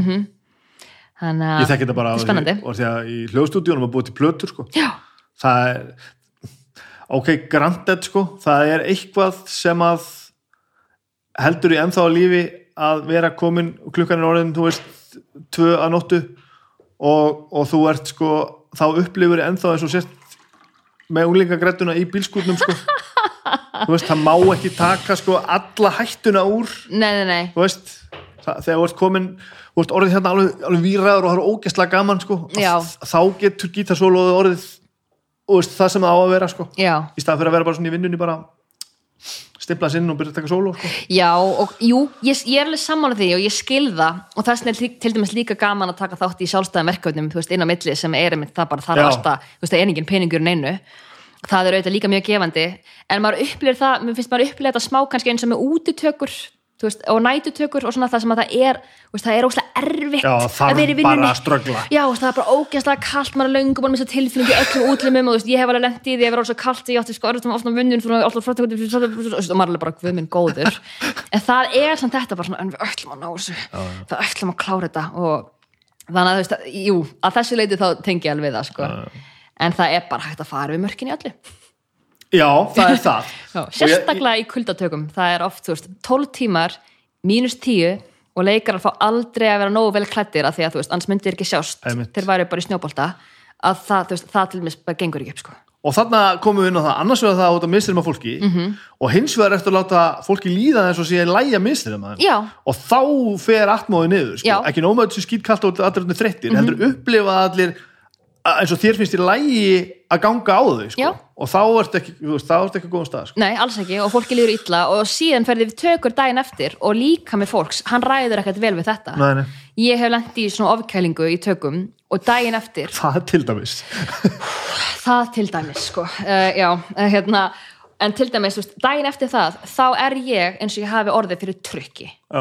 bara líka með þess að mann byrjar að skjálfa svo svakalega að bara sko kerfið manns er á yfirsnúningi og daginn eftir þá er, þá er ég ekkert eitthvað frábær útgáfa sjálfur mér. Nei, veist, ég er bara uppgefin, gjössamlega uppgefin. Þannig að ég, ég fæ líka allt svona, veist, það er engin að vinna sér í hægin með þessu, með þessu mó mótili, sko, það er það engin þannig að já. Hvernig er fyrsti þátturinn síður? 25. des og síðan ætlum við að setja sína annan þáttinn 27. des Nú hafið, þetta er að, þetta er að einhverju svona erlendri fyrirmynd fyrir ég já, við þurfum að húka fólk almennilega, sko, og síðan fer þetta að keira bara vikulega dagskrá Ok. við erum alla sunnudaga í mann rétt Geðveikt. Mhm. hvað, hérna, hvað gerir þú þegar þú ekki að gera þetta? ég spila töluleiki Þú spilar tölvuleiki Já. Hvað spilar þú? Ah, ímislegt, ég er rosalega eftir á þöggs ég þessari yfirkyrslu sem ég var á þarna þannig að ég er núna að fara að byrja á uh, Red Dead Redemption 2 Á Playstation? Já. Ok. og á, veist, á marga eftir ég spila yfirleitt svona linear gameplay, bara svona hérna Tomb Raider, Uncharted, þetta er svona sem þið mínir æfinturleikir, ég er ekki í open world og ekki, ég vil ekki vera í samskipt við annað fólk, ég hata fólk Þú ert að Nei. segja allt sem ég er sko. draumurinn sko, já, þetta er og leikurinn sem það gerir myrkur er svona þetta er bara svona ævintýra saga hérna aðalpersonu Djúvill það er spennandi já, það er ógeðislega spennandi verkefni. Ógeðislega sko talandi um hugur ekki að gera þetta á Íslandi. Veist, að, þetta er, er brautirindi verkefni, þrátt fyrir að CCP hefði gert ótrúlega hluti, þá er þetta allt, allt öðru Já. leikur sko. Og þetta er, veist, það er ekkert auðvelt að gera svona, þú veist, að rigga upp motion capture studioi á pínu litli eigi þar sem enginn einhvern veginn hefur neina þekkingu á baku sig. En þetta gerði og bara, bara þetta, er, er bilað sko. Hvað er það komið langt? Við erum byrjuð tökum og ég meina þetta er, þetta er rosalega langt ferli, þetta er alveg nokkur ára eftir en við erum komin með Motion Capture Studio þetta Granda og við erum veist, með, ég veit ekki, 30 myndaveldar eitthvað í loftinu, veist, við erum búið að ráða alla leikara, er búið að gera samninga og bara þetta er alveg, Og hvað, hvað er þitt hlutverk? Hvað gerir þú þarna? Ég leik aðal personuna í því líka, en ég kom ekki ég valdi það ekki sjálf, ég skrifa þetta ekki sjálf. Ég bara leik Rinn sem að um, þetta gerist í svona svolítið, þú veist, hliðstæðum heimi. Þetta er kannski blanda Lord of the Rings svolítið, blanda kannski eitthvað Game of Thrones alls konar, það eru töfrar eða þannig í þessu. En það er rauninni þroskasaga ungra konu sem að er svona hérna, uff, ég, sko, ég, nú man ég ekkert hvað ég má segja um þetta. Við, við, það var, ég var ekki alveg búin að pæli því en já, þetta er svona þroskasaga ungra konu sem er barótt, bardaga strísmaður friðu persónuleikur, já. Já, Já, hérna. Mm -hmm. Og hvað meira? Tölvuleikir? tölvuleikir, já hund fyrir mikið út með hann og, eða hana þar að segja ég er komin í eldamennsku og bakstur eftir COVID eins og allir að maður að maður það var enda komin tími til og síðan, ég, ég veit ekki ég er, ég, er, ég er aftur að hugsa hvað, hvað gerði ég í dag? Ég bara, ég veit ekki, ég þrýð mikið. Er það áhuga mál Já, getur það. mikið að þrýfa heimi á mér. Ég fer, þú veist, ég á rosalega eins og ég kom inn hann, ég á ótrúlega góðan vinahóp um, og þjættan og við hittumst mikið og tölum mikið saman. Og síðan er ég bara þú veist, að lesa og já, ég held ég svona bara mest í töluleikjum mínum frítjum sko. það þarf ekkert mikið meira Nei, það er alveg rétt. Já. Ég hef tekið mjög mörg ár þar sem ég spilaði eiginlega bara tölvuleikir. já, ég líka og, og síðan er ég líka, þú veist, auðvitað að og við erum að tala um það ekki bara svona utan vinnu, Jú, við, erum, við erum að skrifa handrit til dæmis að, hérna, annari seríu og svona, það er alveg vinnutengt út í gangi, en síðan er ég líka mjög mikið með þetta samfélagsmiðlum að reyna að bara svona vekja fólk til umhugsunar og benda fólki á einhverja nýja hluti og koma með einhverja vekana uppskriftir og svona, þannig að það er líka svona Þannig að þú hugsa það svona svolítið sem, þú veist, einhvern svona, ég vil ekki segja lífstíl, en svona, þú hug, hugsar alveg svona svolítið ákveðið á að koma skilabúðum til fólks. Já, ég reyni að gera það, ég reyni ég get alveg hangið á samfélagsmiðlum í einhverja klukkutíma og bara fokk, hvað kom fyrir minn? En ég reyni að vera með smá, þú veist, svona einhvern veginn veist, stundum ákveð ég að taka bara svona stefnu, bara ok, nú er ég bara að taka samfélagsmiðla vinnu 40 mínútur, það sem ég er bara að, þú veist presentera kannski eitthvað vegan efni sem að ég vil endilega fólk, stundum er ég í samstörum við einhverja, en stundum er þetta bara ég að búa til uppskrift af einhverju sem ég hugsa, ok, kannski er einhver eins og þú sem að hefði eflaust ekki fara að leita sér af þessu sjálfur en kannski sér hann hjá mér eitthvað svona að þetta er áhugavert og Já. prófa eitthvað nýtt. Og þú veist, og ég er svona að reyna að vera svolítið ah, hvað, er, hvað er orðið sem ég er að segja, þú svona hnitmiðuð stundum og þá lít Já. ég bara á þetta sem vinnu sko. Já, ég veist, ég geri það alveg. Um, og hef svona, þú veist við langar bara svolítið að því ég fæ oft innblástur frá öðrum á samfélagsmeðum þannig að mér langar líka að veita öðrum innblástur til þess að kannski breyta einhvernum venjum sem ég tel vera uh, kannski aðeins betri. Mm -hmm. ánum sé að reyna að mig tróða mínu að tjáta mikið frá og stundum tek ég líka bara svona eitthvað uh, stundum, stundum fer ég alveg hart og er bara eitthvað svona, þetta er ofbeldi eitthvað og, Já, já, já. og hugsa bara, þá til, mig til að taka slæðin bara. Já, stundum langar mig bara því veist, það- virkar bara svo miðsmynda fólk þú veist, stundum þarf maður líka bara að hrista fólk sko. og ef það einhver vill ekki þá er þeim bara algjörlega frjálst að fara eitthvað annað þannig hugsa ég þetta bara, þetta er minn samfélagsmið ég gera það sem ég vil, gera það sem ég vil Glæsilegt. Þetta var ógeðslega skemmtilegt. Já, eitthvað smá Ég að við þurfum hvort að vera stressið Ha, fyrir hvorugt? Já, ég var kvíðin yfir því að ég var að koma í viðtal Já, menna og það. þú varst eitthvað svona, oh my god viðtal, Þetta verður alltaf leið. þetta alltaf verður alltaf Þetta var alltaf læg Þetta var alltaf læg Það var frábært. Já, það komið ný rás í hausin núna Takk fyrir að tala um mig. Takk sem við leiðis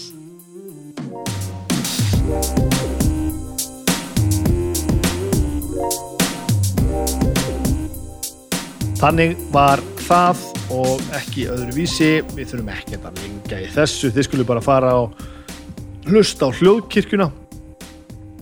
Ég er aðeins lendur eftir á. Ég hérna til dæmis hef nú reynt að hlusta á listamenn í, í rauntíma og ég skulda bara fullt af þáttum. En ég veit hins vegar að, að síðasta lögða voru þeir að tala um, um og, top 10 borðspil Uh, lýsingin á þættinum er okkar diggasti hlustandi hefur oftar en einu sinni og oftar en tvisar beðið okkur um að taka fyrir borðspil og nú getur hann hægt að spyrja. Ég held að þetta sé örglega Kristín sem að Kristín Haukur sem að sem að var búin að töðu þetta á, á, á umræðu, umræðu, spjall, umræðu spjallinu hvað er ég að segja? Eh, umræðu grúppinu á Facebook uh, listamannagrúppinu ég er auðvitað bara fann að bulla eitthvað hérna ég ætla að fara að hætta þessu.